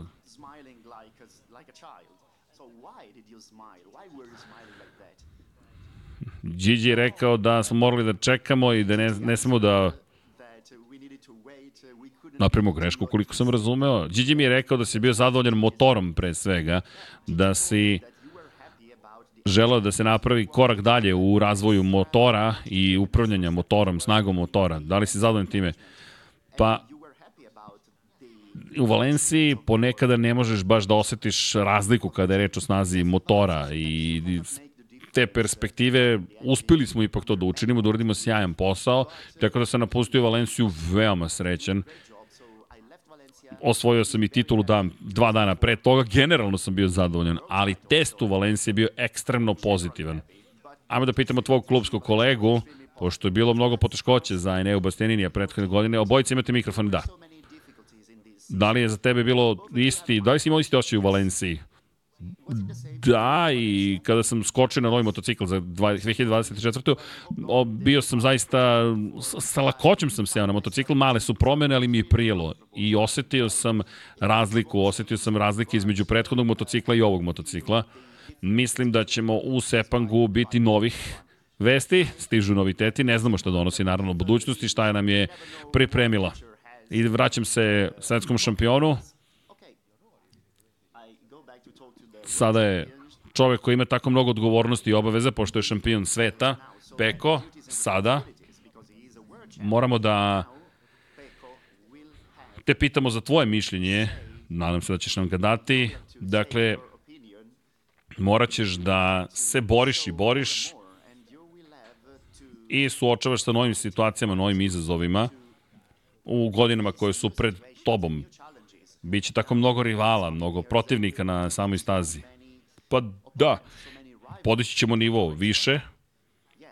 Činjenica da imate osam Ducatijevih vozača na stazi je nešto što može da mi pomogne, ali može naravno da mi bude otežavajuća okolnost. Svi timovi su napravili korak u napred, KTM se dosta unapredio, Aprilia takođe, čak i Yamaha. Yamaha će napraviti korak u napred, biće bolji nego što su bili. Mislim da će konkurencija jeste važna u kontekstu izazova s kojima se suočavamo i koje, s kojima treba da se suočimo, a ukoliko bi mogao da izabereš karakteristiku banjaja paketa sa Desmosedićem i uporediš sa prethodnom godinom, unapredio si se, naučio si nove stvari, kako si drugačiji odnosno na prethodnu sezonu? Koju karakteristiku sada posjeduješ koju nisi imao? Naučio sam da, da moraš da budeš miran, tih, i da ukoliko radiš dovoljno dobro, treba samo da ostaneš miran i rezultati će doći. Enea, ove godine, to jest ova godina, pretpostavljam prethodna je bila puna godina učenja, suoči su se sa promenama, povredama, to je sve deo igre, kao što i sam znaš, svi to znamo, ali na kraju godine videli smo ponovo prelepu verziju, najlepšu verziju ne Bastianinija. Morao si da se oporaviš, da se približiš peku kada je reč o zaostatku. Da li si spreman za tu vrstu izazova? Da li si prava zver koju smo videli prethodnih godina? Pa mislim da moram da testiram više, moram da više vozim. Prošle godine nisam imao priliku prosto da testiram, osim inicijalnog testa, tako da sam dobio motocikl u ruke koji je bio spreman. Nisam mogao da ga pripremam, da testiram kao što sam želao danas. Kada pogledate, detalji su ti koji stvaraju razliku i zato želim da testiram više. Fizički se osjećam dobro, spreman sam i zaista sam veoma motivisan. mislim i verujem da jedva čekate zapravo da se vratite na trkačku stazu, pošto su, da, lepi ovi dani odmora i činjenici da ga provode, ih provodite kako želite, ali pretpostavljam da jedva čekate da se vratite trkanju. Pa u ovom trenutku, da, motivisani smo, želimo da se vratimo na stazu, želimo da se trkamo, ponekad se pitam da li još uvek mogu da vozim motocikl, pošto toliko duga traje ova pauza. Prošle godine smo imali pauzu tri meseca. Ok, Enea Bastianini, Peko Banjaja, veliki aplauz za ova dva vozača. Hvala naravno i Gvidu, a čekamo i priču o Alvaru Bautisti i Nikolu, Bu, Nikoli Bulegi. Da čujemo Nikola šta ima da kaže. Otkriću malu tajnu koju imamo, a to je da si mi rekao zapravo o emocijama koje si osetio kada si bio mlad, dečko, momak i video si ovaj događaj kako se prenosi iz Madone di Campillo. Sada si deo, učesnik ovog događaja na motociklu za 2024. i pred publikom koja je da čeka tebe da prosto pokažeš tu strast. Kakve su tvoje emocije, kakve su tvoje osjećanje u ovom trenutku? Biti na ovom motociklu, ovim prelepim motociklima, biti ovde i sa ovim nevrovatnim klubskim kolegama je prelepo. Ovo je predivno iskustvo, videti i iz polja i iznutra kako stvari funkcionišu. Prošle godine kad sam pozvan da budem prosto prisutan na prezentacija, sada sam na bini, uživam i učinit ću sve što mogu kada je reč o šampionu koji će biti uz tebe i imaš jednog od velikih šampiona Alvara Bautistu kao klubskog kolegu, vas dvojica ćete pa stvoriti pre, prelep tim. Zanimljivo. Imam sjajnog vozača u sebe, to jest trkača kao klubskog kolegu i naravno ću trpeti, pošto će Alvaro biti brzo tokom cele sezone. S druge strane, ovo je moja prva godina kao zvaničnog vozača i morat ću mnogo toga da naučim, pa i u Superbajku prva sezona, ali imati ga kao klubskog kolegu će biti od ključnog značaja za mene, pokušat ću da ga kopiram, da ukradem sve tajne, to jest neke tajne kako bih bio brži i trikove naravno koje mogu da naučim. Da, trebalo bi da ti pomogne, a kada je reč o samom motociklu, videli smo boje, razlikuje se malo oplata, Gigi Dalinje nam je rekao o nekim detaljima, međutim, kakav je ovo motocikl? Ovo je neverovatan motocikl i nove grafike su neverovatne. Prošle godine je bio prelep, ali ovo je još bolje, još lepše. Nikolo, prelazim sada na razgovor sa Alvarom Bautistom. Alvaro, imamo ozbiljne vesti, počinjemo s mnogim promenama i inovacijama kada je reč o tehničkom nivou, kada je reč o pravilnima, kada je reč o sponzorima, kada je reč o mnogim stvarima. Imaš novog klubskog kolegu. Kako pristupaš sezoni? Pa, ova nova sezona će biti veliki izazov za mene. Mnogo promjena odnosno na prethodnu godinu. Na kraju dana mi smo samo promenili broj. Sa 19 sam prešao na 1. Ove godine će biti mnogo ozbiljnih promjena. Moj klubski kolega je vrlo, vrlo snažan, vrlo mlad, a vrlo agresivan. I kada dobijete mladog klubskog kolegu u ekipi, znate da će ta osoba biti gladna za pobedama i da želi da uradi najbolje što može. I srećan sam što je sa mnom i što ćemo biti jedan uz druga, veoma sam motivisan i on će biti veoma motivisan vozač.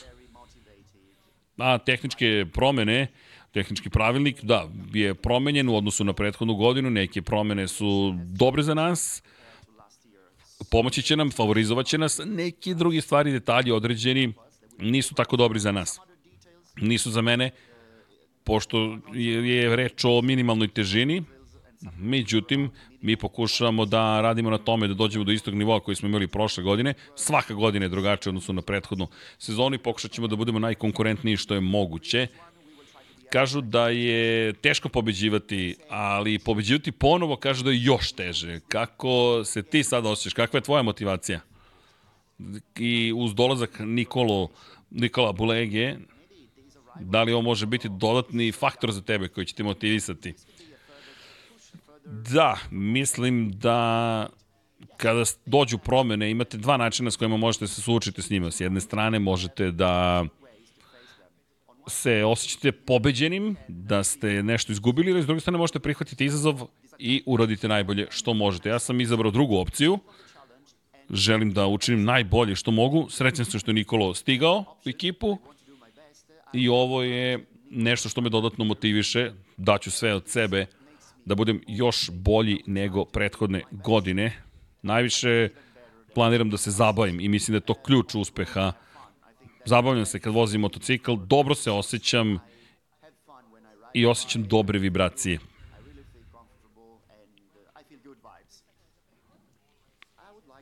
Pre nego smo te intervjuisali pre trka, ali i posle trka kada te intervjuišemo, često vidimo tvoje reakcije i te reakcije nam dozvoljavaju da vidimo upravo to što o čemu pričaš, da, ti se, da se zabavljaš na motociklu. Pa da, verujem da je tako, i zahvaljujući iskustvima koje imam iza sebe, ranije sam nekako bio tih, miran, vrlo sam samouveren, znam šta želim od svake trke, znam šta moram da učinim u svakoj trci, u svakom takmičenju, a posle trke, pogotovo ukoliko uspem da ostvarim ono što sam želeo, još sam srećniji. Zaista sam srećan, srećniji svaka pobjeda, svako pobjedničko postoje, svaki rezultat mora da se proslavi, mora da se podeli sa ekipom i svaka pobjeda mora da se proslavi kao da je prva. Mnogo si radio i pozvaćemo sada još jednu osobu na binu sportskog direktora Ducatija Corsea.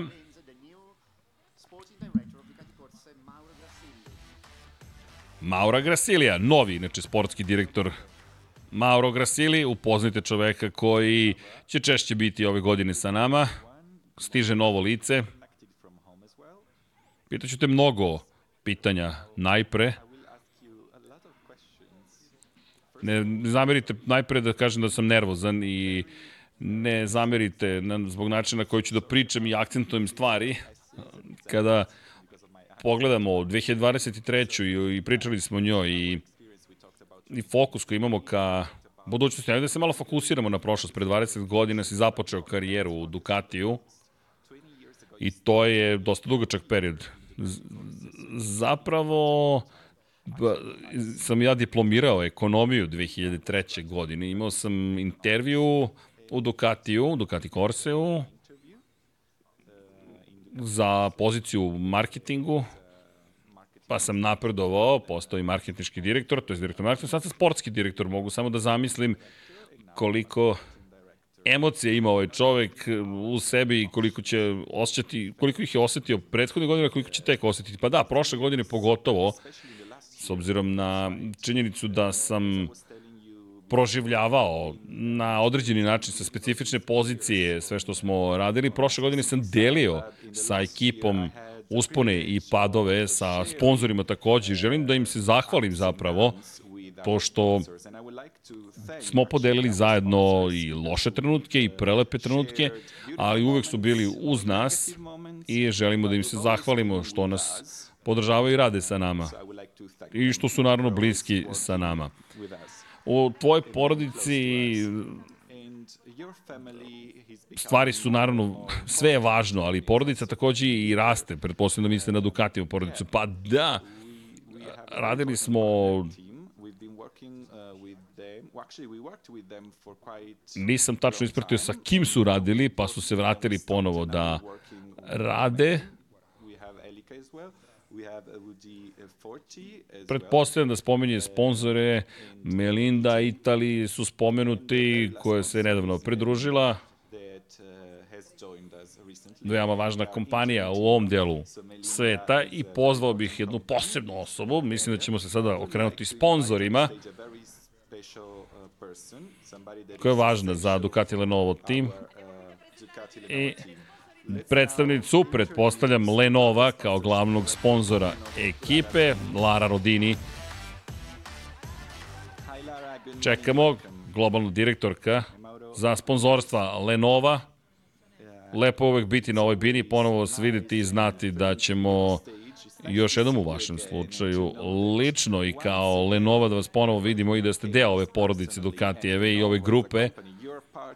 Želite da ponovo pobedite pričamo o partnerstvu, o kolaboraciji, kombinaciji, kako je za Lenovo biti da je deo prosto ove ekipe i ove porodice. Sa partnerstvo koje je počelo pre nekoliko godina, koje mi definišemo kao nešto što ima svrhu i imamo zajedničke vrednosti kao što su brzina, performanse, ali takođe strast i timski duh. Posle uspešnih godina ne možemo biti uzbuđeniji kada je reč o novoj sezoni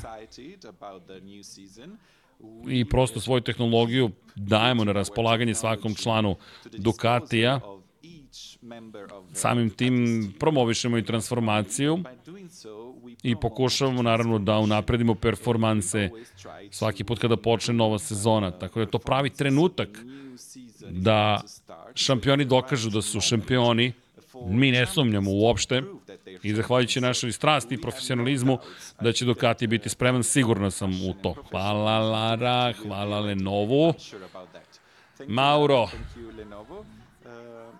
Mauro, uh, vreme da predstavimo još jednu važnu osobu. Cenim da ćemo imati sada, možda iz Monstera, ajde, to će biti sada zanimljivo meni da se malo poigramo, ne zamerite, ali ovo je baš korporativni sada već moment i pričaju o osobi koja je vrlo strastvena i čiji je doprinos esencijalnog značaja za celu ekipu, ali da vidimo, a ne, ovo je lepo, Stefano Čekoni će se pridružiti ekipi s obzirom na činjenicu da će imati priliku da vidimo šefa ekipe Aruba It Racing, čovek koji vodi Superbike ekipu. I naravno puno pitanja. Nadam će biti trkačka pitanja, čisto da čujemo kakvi su planovima kao da ih ne znamo. Jurnjeva za titulom, naravno. Da krenemo od Alvara. Alvaro je pobedio osvojio dve titule, rekorder je po mnogim pitanjima, Ducati je trkač sa najviše, najvećim brojem pobjeda za Ducati, nosi boje Aruba It boje, da, to je nevratan uspeh, ogroman uspeh i samo da poželim dobrodošlicu svima. Mi smo prosto doprili, nadam se, tom uspehu, a pa da pričamo o talentovnom vozaču koji je postao šampion sveta, pričamo o Nikoli Bulegi, pretpostavljam. Da. Šta možete da nam kažete, kada, kako su očekivanja za Nikolu? A pitaću vas posle nešto još o Alvaru, pošto ne želim da brine previše. Nikolo, zaista smo se oslonili na njega u Supersport projektu i bili smo svesni da imamo magičnu kombinaciju jer je mlad, ali ima mnogo iskustva. I to upravo ono što nam je bilo potrebno. Neko poput njega ispostavilo se da je sjajan bio u prvoj godini, u godini u kojoj je puno učio i prilagođavao se ekipi, a u drugoj sezoni smo došli do cilja. Alvaro, šta misliš o ome što si upravo čuo? Si spreman za nove novi izazove? Da, naravno da smo spremni, daću sve od sebe, ja to mogu uvek da učinim, ali moram da imam i ozbiljnu ekipu uz sebe i prijatelje kao što je Stefano i naravno sponzore, tako da mislim da smo puni energije, vrlo motivisani i da ćemo uraditi odličan posao. Daćemo sve od sebe. We will do our best together. Stefano, da li si ti zadovoljan? Pa jesam, zadovoljan sam. Vidjet ću da li može najveći izazov da, da obeleži da treću titulu osvoji. Za redom to je, nije pretrano originalni cilj, tako da sam mu tražio da zapravo se ugoji, pošto postoje promene u pravilniku o minimalnoj težini posle povrede koje je zadobio u Herezu tokom testa, zamolio sam ga da se ugoji. Rekao je, pokušat ću to da učinim, ali eto vidit ćemo, prvi put da neko traži od vozača da se ugoji. Svaki put kada bi me video, me pitao da li treniram i rekao sam mu da, treniram, naravno da treniram, ali ne toliko snažno, korak po korak. Pa eto, lepu sezonu vam želimo, Stefano. Hvala svima. I da vidimo da li će biti još nečeg, nekog zanimljivog. I bilo bi lepo da nam kamerom približe malo motocikle, ali bojim se da će ovo biti cela priča. Imamo još nekoga koga bismo mogli da spomenimo i pozovemo na binu. Našeg maestra, da se tako izrazim.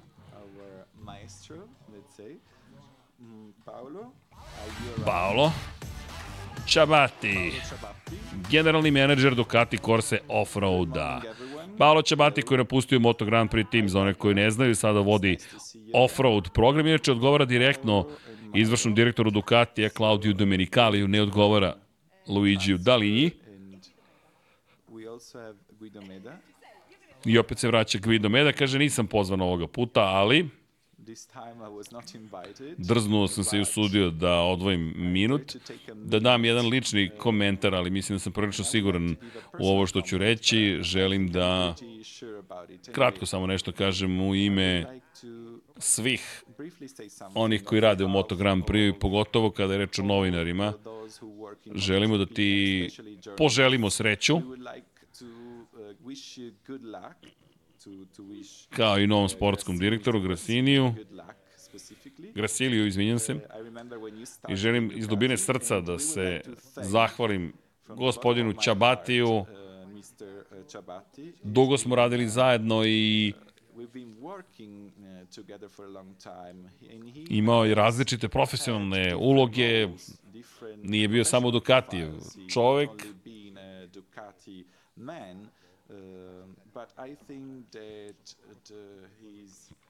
ali njegova ravnoteža u komunikaciji tokom i teških trenutaka je bila ključna.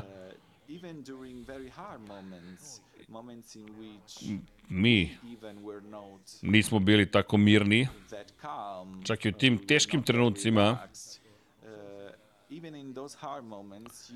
ti si bio sposoban da nam daš odgovore koje smo očekivali od tebe. i pokazao si nam da si sjajno ljudsko biće Pošto ćeš započeti novu avanturu,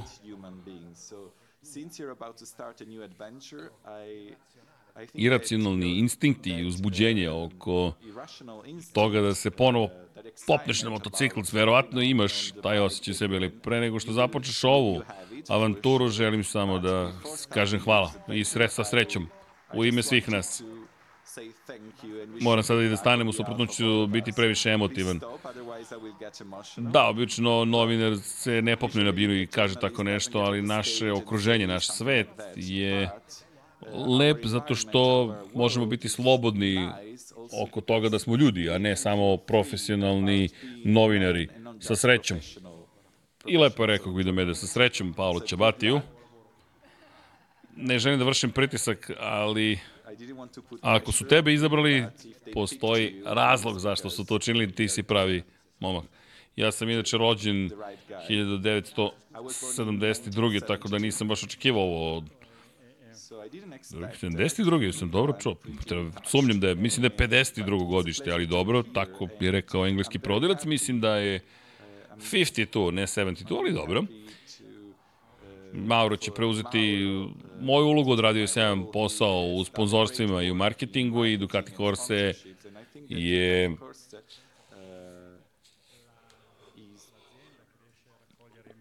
u saradnji sa najvećim brojem sponzora širom sveta, što nam omogućava da se naravno i borimo lakše protiv konkurencije i držimo određeni nivo.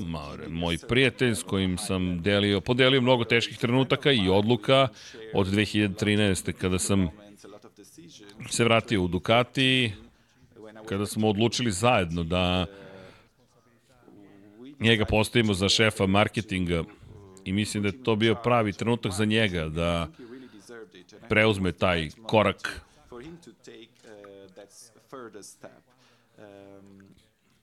Uvijek inače mogao da računa mene i bilo je zadovoljstvo, pošto nije samo kolega, već i prijatelj. Srećno u nove avanturi. Hajde da ne budemo previše emotivni, ali ne puštam to još. Bićeš mi potreban i potražit ću te svaki put kada mi zatrebam, uvijek ćeš moći da me pronađeš bez brige. Hvala, gracije svima. Srećno Mauro, srećno momci.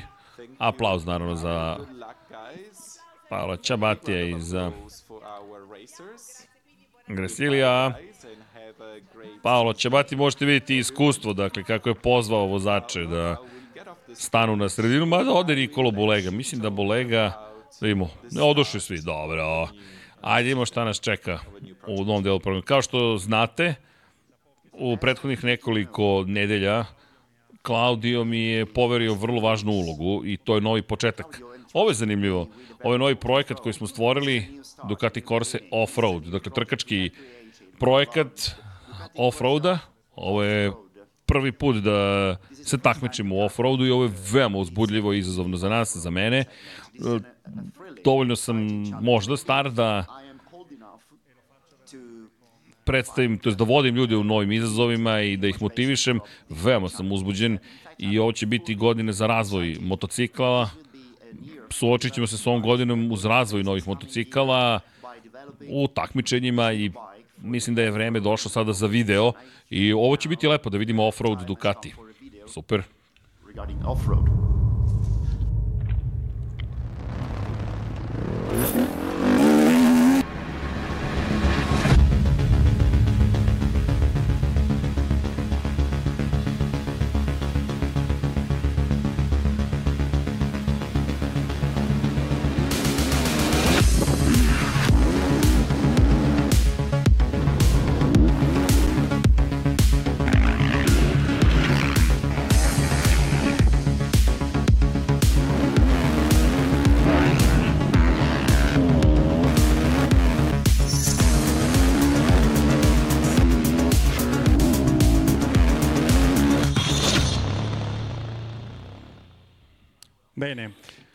lepa atmosfera i sjajno je videti ove ljude, pročitati ove imena, Sandro Lupino i Antonio Toni Cairoli, devetostruki šampion sveta, inače legendarni Cairoli, čovek koji se takmiči koliko postoji Moto Grand Prix kategorija otprilike, malo više čak od toga.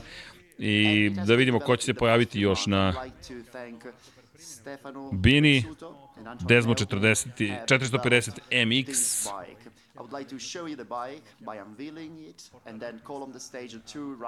Videli smo već ove prezentacije, to jest određene osnove za ono što bismo danas treba, što bi danas trebalo da vidimo još u oktobru prošle godine. A eto da vidimo kako će to izgledati kada je reč o motociklima koji će se koristiti u svetskom šampionatu MXGP.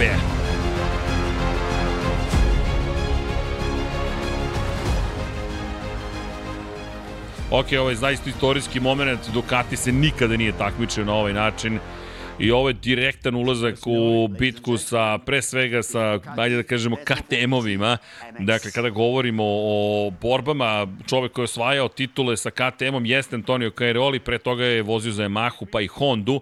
I ovo je kao kada je KTM ušao u Moto Grand Prix, ovoga puta Ducati u suprotnom smeru, opa, crveni Ducati, Desmo 40, 450 na prosto MX. Inače, u šampionatu Italije će se, raz, će se takmičiti MX GP. Mislim da sledeće godine bi trebalo. Inače, Monster Energy se zahvaljuje, pošto koji nije prisutan na Moto Grand Prix motociklima. Zanimljivo. Kako kaže, nisu, prošle godine su bili, ajde vidit ćemo. Dakle, Monster se seli na off-road sponzorstva, ok, vrlo zanimljivo devetostruki šampion sveta, međutim u motokrosu Antonio Cairoli. Ovo je bukvalno živa legenda motokrosa. Ljudi, gledate čoveka, to je uskoro ćete ga vidjeti, koji je zaista neponovljiv, rekao bih. Čovek koji je u MX1 kategoriji osvojio pet titula za redom, pa još jednu kada je to postao MXGP, pa još jednu poslednju 2017. Inače, pre toga je s Yamahom 2005. i 2007. osvajao titule u MX dvojkama spektakularni Toni Alessandro. To je i Lupino.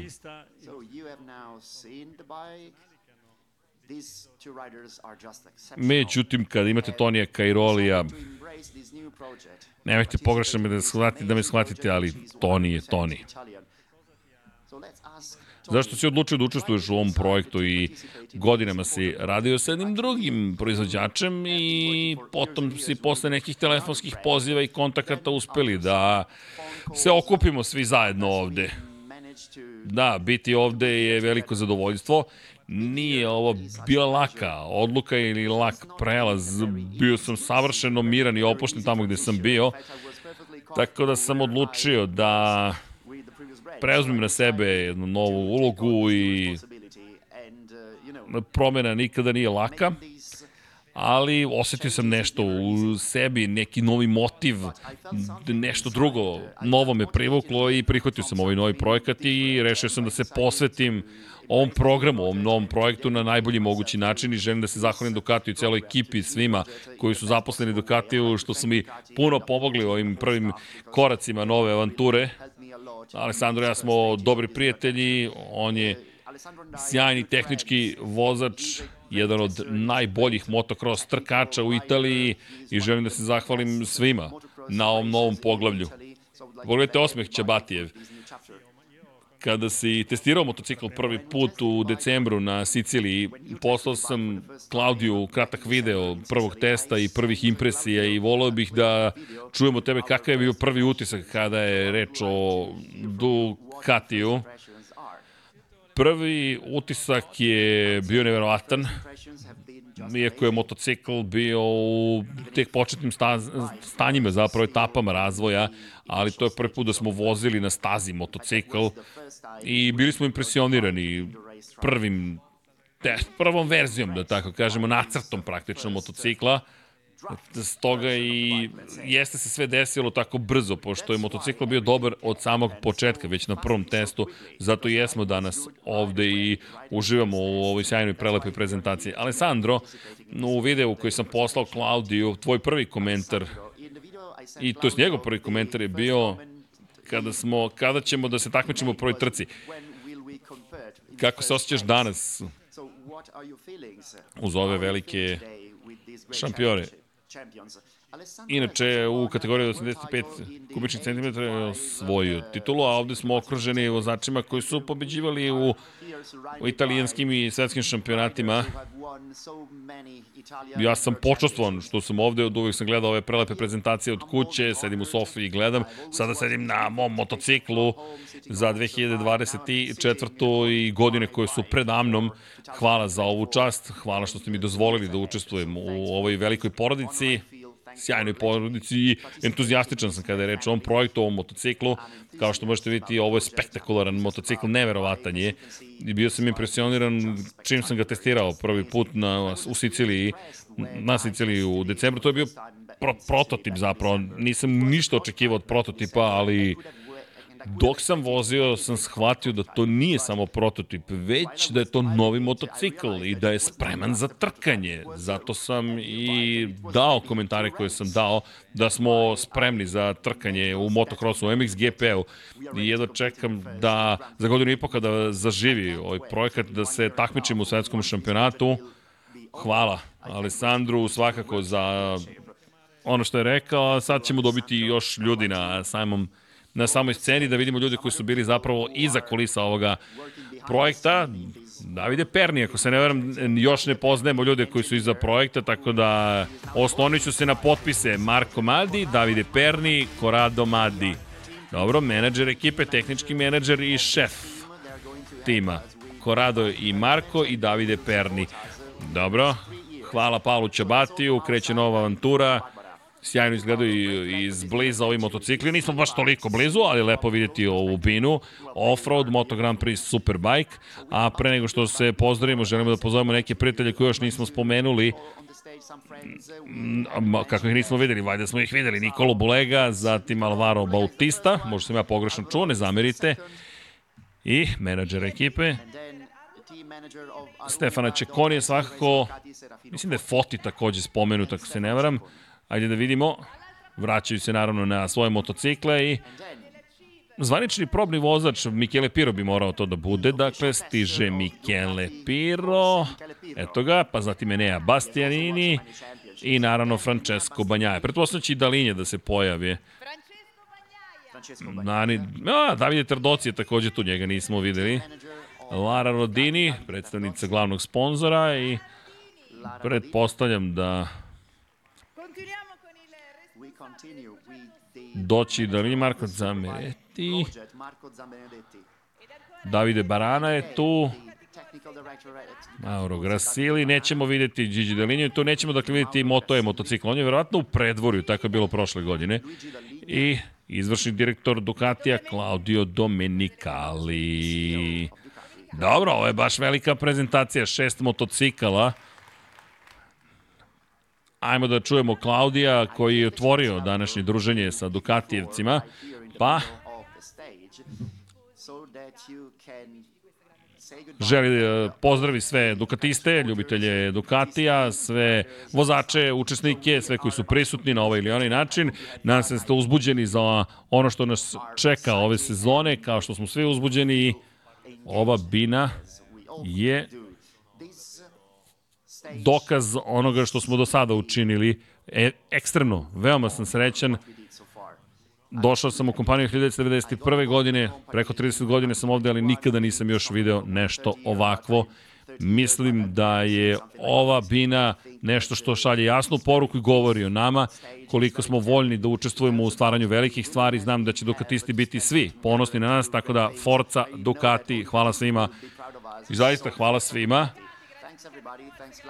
Završni naravno kadrovi, vratit ćemo se mi u naš studio na kraju verzuje kada se završi cela prezentacija. Malo samo da konstatujemo šta smo to videli, a onda ćemo ostaviti zaključke za kasnije.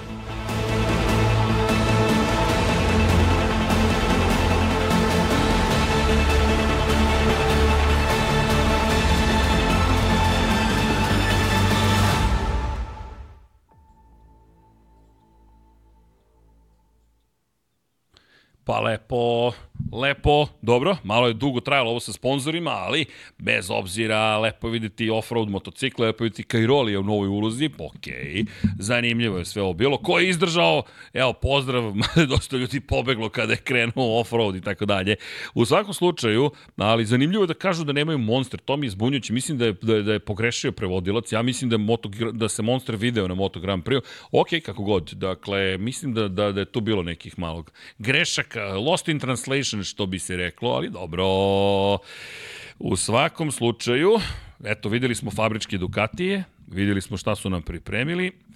A, evo, srđane, završi nam MXGP prenos na sport klubu. Ja bih vrlo rado, ali da vidjet ćemo. Dakle, ovo će da bude sad vrlo zanimljivo, sve što se dešava, s obzirom na činjenicu da je eto, Ducati ušao nešto novo, trkački pre svega, i Ducati, kada pričamo o ambicijama ljudi, ovo je, ovo je ambiciozno. I ovo što ste videli kreće od, neću dugo, pošto nije mi tu deki, ali jedva čekam klasičan naš podcast da ispričamo se o svemu, samo par stvari.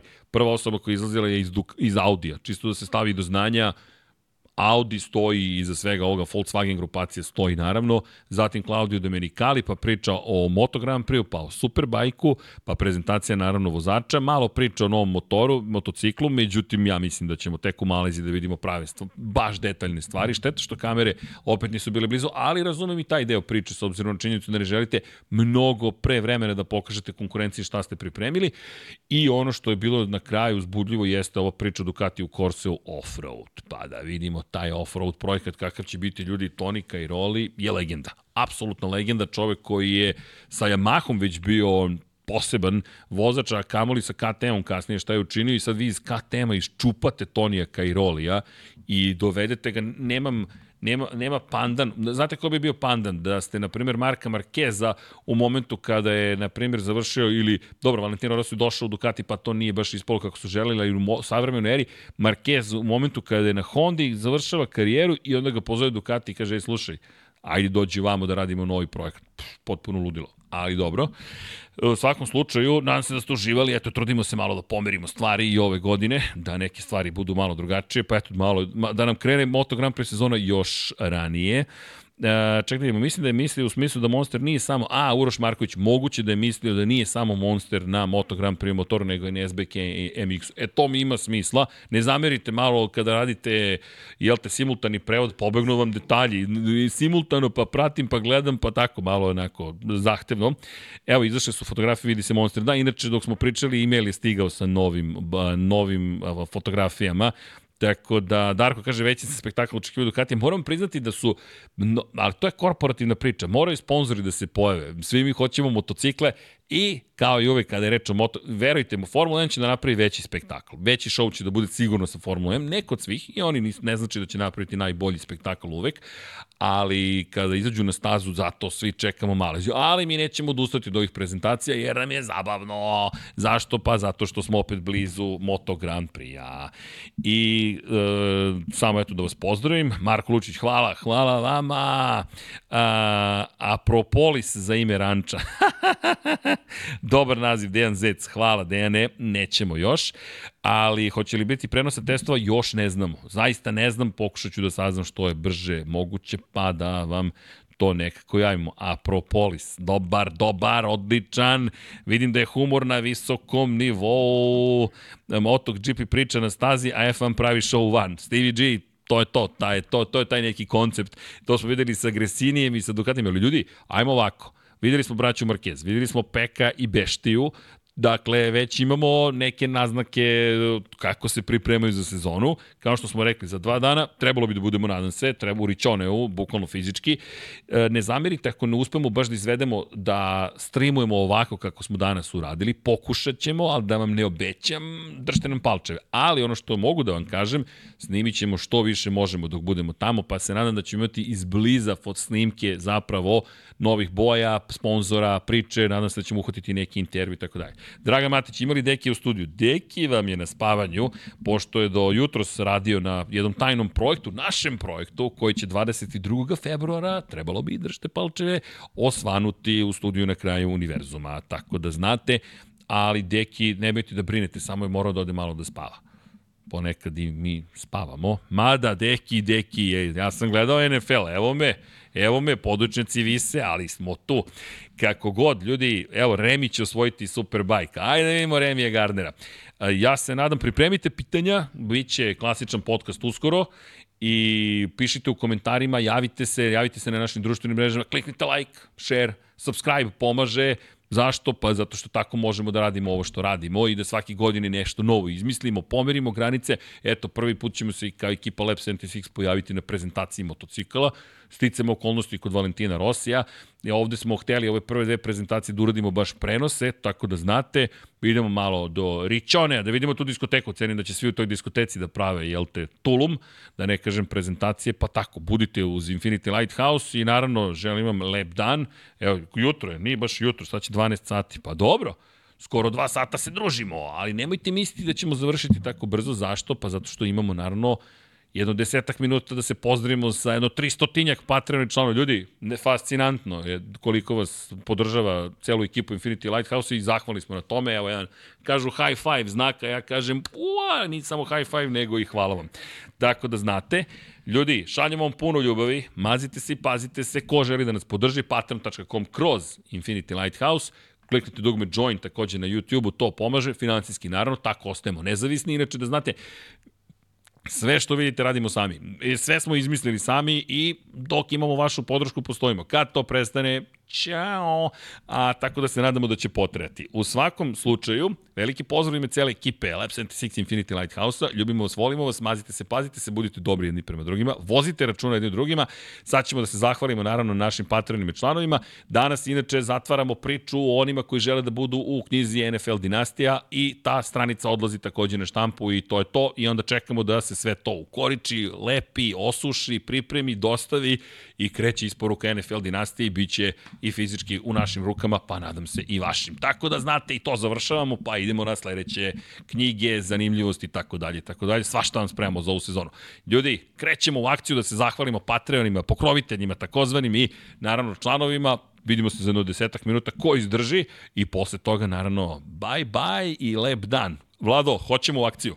Krećemo. Dakle, hvala Bata Brada, Miloš Rosandić, Simović Sarajevo, Vladan Miladinović, Jasmina Pešić, Stefan Janković, Ivan Maja Stanković, Stefan Milošević, Branislav Kovačević, Mihovil Stamičar, Ivan Rečević, Alen Vuletić, Dušan Delić, Branko Bisački, Alen Stojčić, Aleksandar Mitrović, Danijela Ilić, Darko Trajković, Mare, Igor Vučković, Novica Badrnica, Nedim Šmele, Vladimir Mutić, Ivana, Aleksandar, Stevan Zekanović, Ljiljana Milutinović, Lazar Hristov, Stefan Stanković, Bojana Zrnić, Dimitar Vasilev, Ivan Toškov, Mihajlo Krgović, Ivan Panajotović, Nemanja Jeremić, Jugoslav Ilić, Borko Božunović, Luka Klaso, Marko Mostarac, Crnogorski džedaj, Gloria Edson, Bahter Abdurmanov,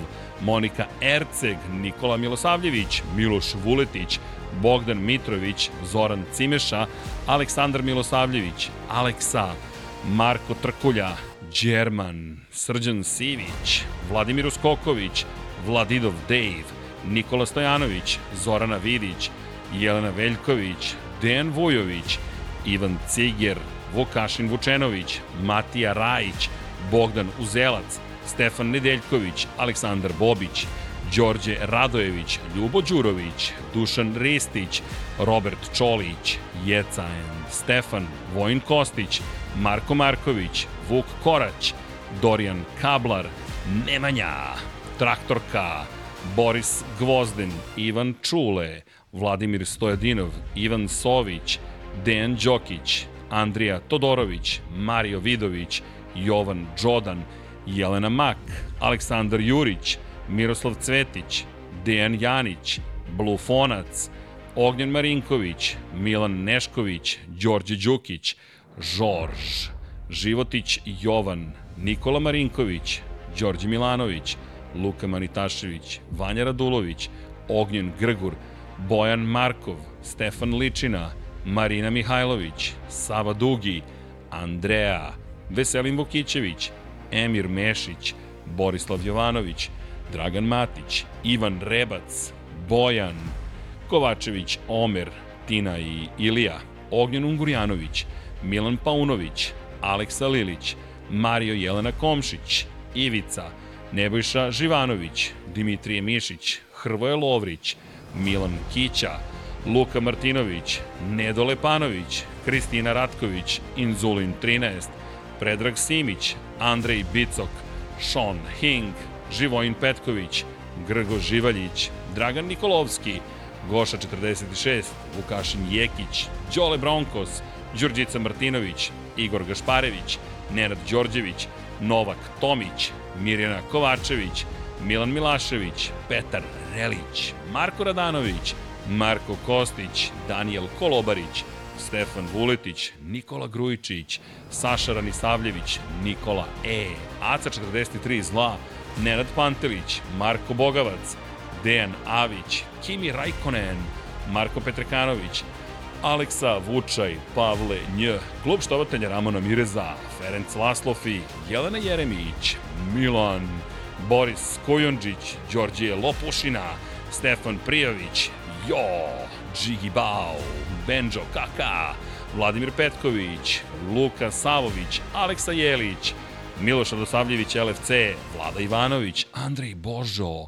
Nemanja Miloradović, Jasenko Samarđić, Mladen Mladenović, Đole Cheesehead, Kristijan Šestak, Matija Binotto, Miloš Todorov, Da žena ne sazna, Milan Ristić, Strahinja Blagojević, Bojan Bogdanović, Zoran Baka, Mladen Tešić, Igor Jankovski, Branimir Petronijević, Klara Gašpar, Antonio Novak, Aleksandar Antonović, Stefan Radosavljević, Toni Ruščić, Andreja Miladinović, Aleksandar Radivojša, Miloš Prodanović, Dušan Petrović, Miloš Banduka, Šefko Ćehić, Danka, Miloš Rašić, Deus Nikola, Nikola Beljić, Jugoslav Krasnić, Sead Šantić, Đorđe Andrić, Nedim Drljević, Predrag Pižurica, Strahinja Brajanoski, Đole QB4, Damjan Veljanoski, Marko Horg, Peđa Janković, Admir Dedović, Mirena Živković, Nenad Simić,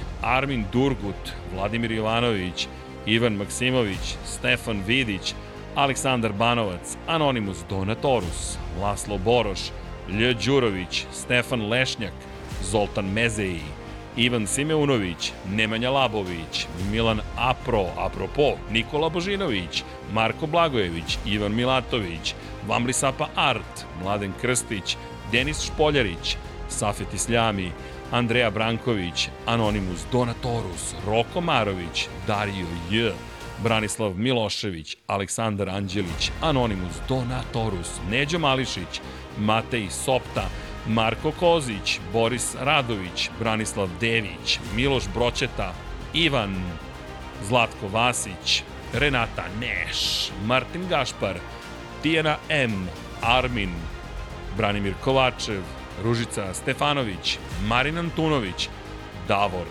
Filip, Salim Okanović, Boris Erceg, Borislav Vukojević, Josip Kovačić, Vladimir Filipović, Aleksa Valter, Vučinić Miroslav, Bojan Mijatović, Dejan Avić, Petar Nujić, Katarina, Nemanja Zagorac, Mlađan Antić, Luka, Aleksandar Čučković, Bojan Majstorović, Marko Ćurčić, Zoran Majdov, Nenad Ivić, Lazar Pejović, Stefan Dulić, Zoran Šalamun, Branimir Rijavec, Lukas, Ertan Prelić, Kosta Ivanov, Ante Primorac, Nemanja Miloradović, Resničanin, Ramzes Rama, Ivan Vincetić, Milan Herceg, Zoran Baka, Amar Taso, Domagovi Kovač Rajkov, Bojan Markov, Milorad Reljić, Konstantin Mlinarević, Nemanja, Pavle Lukić, Zoran Mladenović, Vladimir Vujičić, Eldin Polovina,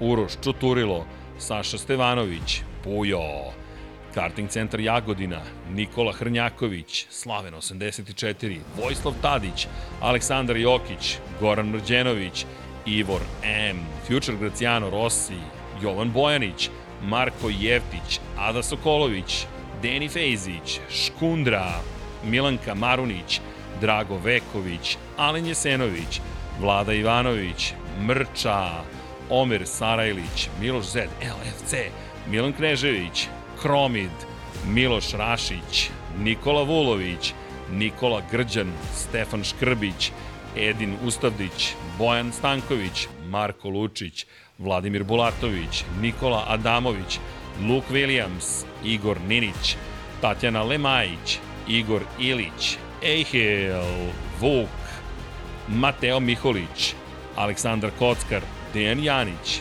Ivan Magdelinić, Lunatic Soul, Nemanja Cimbaljević, Aleks Vulović, Predrag Zec, Toni Soni 76, Blago Jačevski, Vladimir Subotić, Igor Vranić, Pancer, Stevie G 8 MM93, Vladan Đurić, Aleksandar Stojković, Ivan Novaković, Filip Knežević, Almedin Ahmetović, Dejan Plackov, Plackov, Dinstero, Zlatko Marić, Bruno Jurić, Nikola Božović, Ivan Hornjak, Nikola Grujičić, Jovan Bajić, Branko Rašević, Petar Bjelić, Nikoleta Minić, Žika Su, Josip Buljevčić, Jelena Jeremić, Srđan Ćirić, Miloš Stanimirović, Marakos, Galeksić, Uroš Ćosić, Josip Daničić, Oliver Nikolić, EP, EP, Ivan Božanić, Vladan Miladinović, Tomić, Miloš, Ivan Vujasinović, Aleksandar Egerić, Bojan Gitarić, Vlado Jurčec, Mateja Nenadović, Krorobi 00, Bakadu, Đera 7, Anonimus Donatorus, Đorđe Janjić, Nemanja Bračko, Aleksandar P, Marko Bogavac, Mensur Kurtagić, Peja, MD, Mirko Novaković, Nedžad Mrakić, Andreja David, Katarina Stepanović, Almir Vuk, Aleksandar Radivojša, Marina, Đorđe Pajuć, Vujković i to bi bilo to. Dobro, nadam se da ste se lepo zabavili. Jesmo se mi lepo zabavili, čekaj, šta smo mi sad gledali? Novu prezentaciju Ducatija. Ukoliko neko ima neko pitanje, bojim se došao kraj programa da morate da ostavite to u komentarima na videu koji će se pojaviti neposredno pošto završimo ovaj moment prenosa ili šta god daje u pitanju, nije ni podcast, ali u svakom slučaju činjenica je da smo obavili još jednu prezentaciju, uradili nešto novo, ponovo u studiju na kraju univerzuma, lepo se družili i nadam se ulepšali vam jutarnji dan, da ne kažem prepodne u ponedeljak 20. kog 2. januara 2024. Infinity Lighthouse Lab 76, trkamo se dalje, idemo, a kada reč o večerašnjem podcastu, trebalo bi da ide F1, to je malo ćemo pričamo o Dakaru, Carlosu Saincu, starijem i tako dalje tako bliže. U svakom slučaju, pratite nas, javljamo vam sve, mazite se, pazite se, budite dobri jedni prema drugima i ćao svima!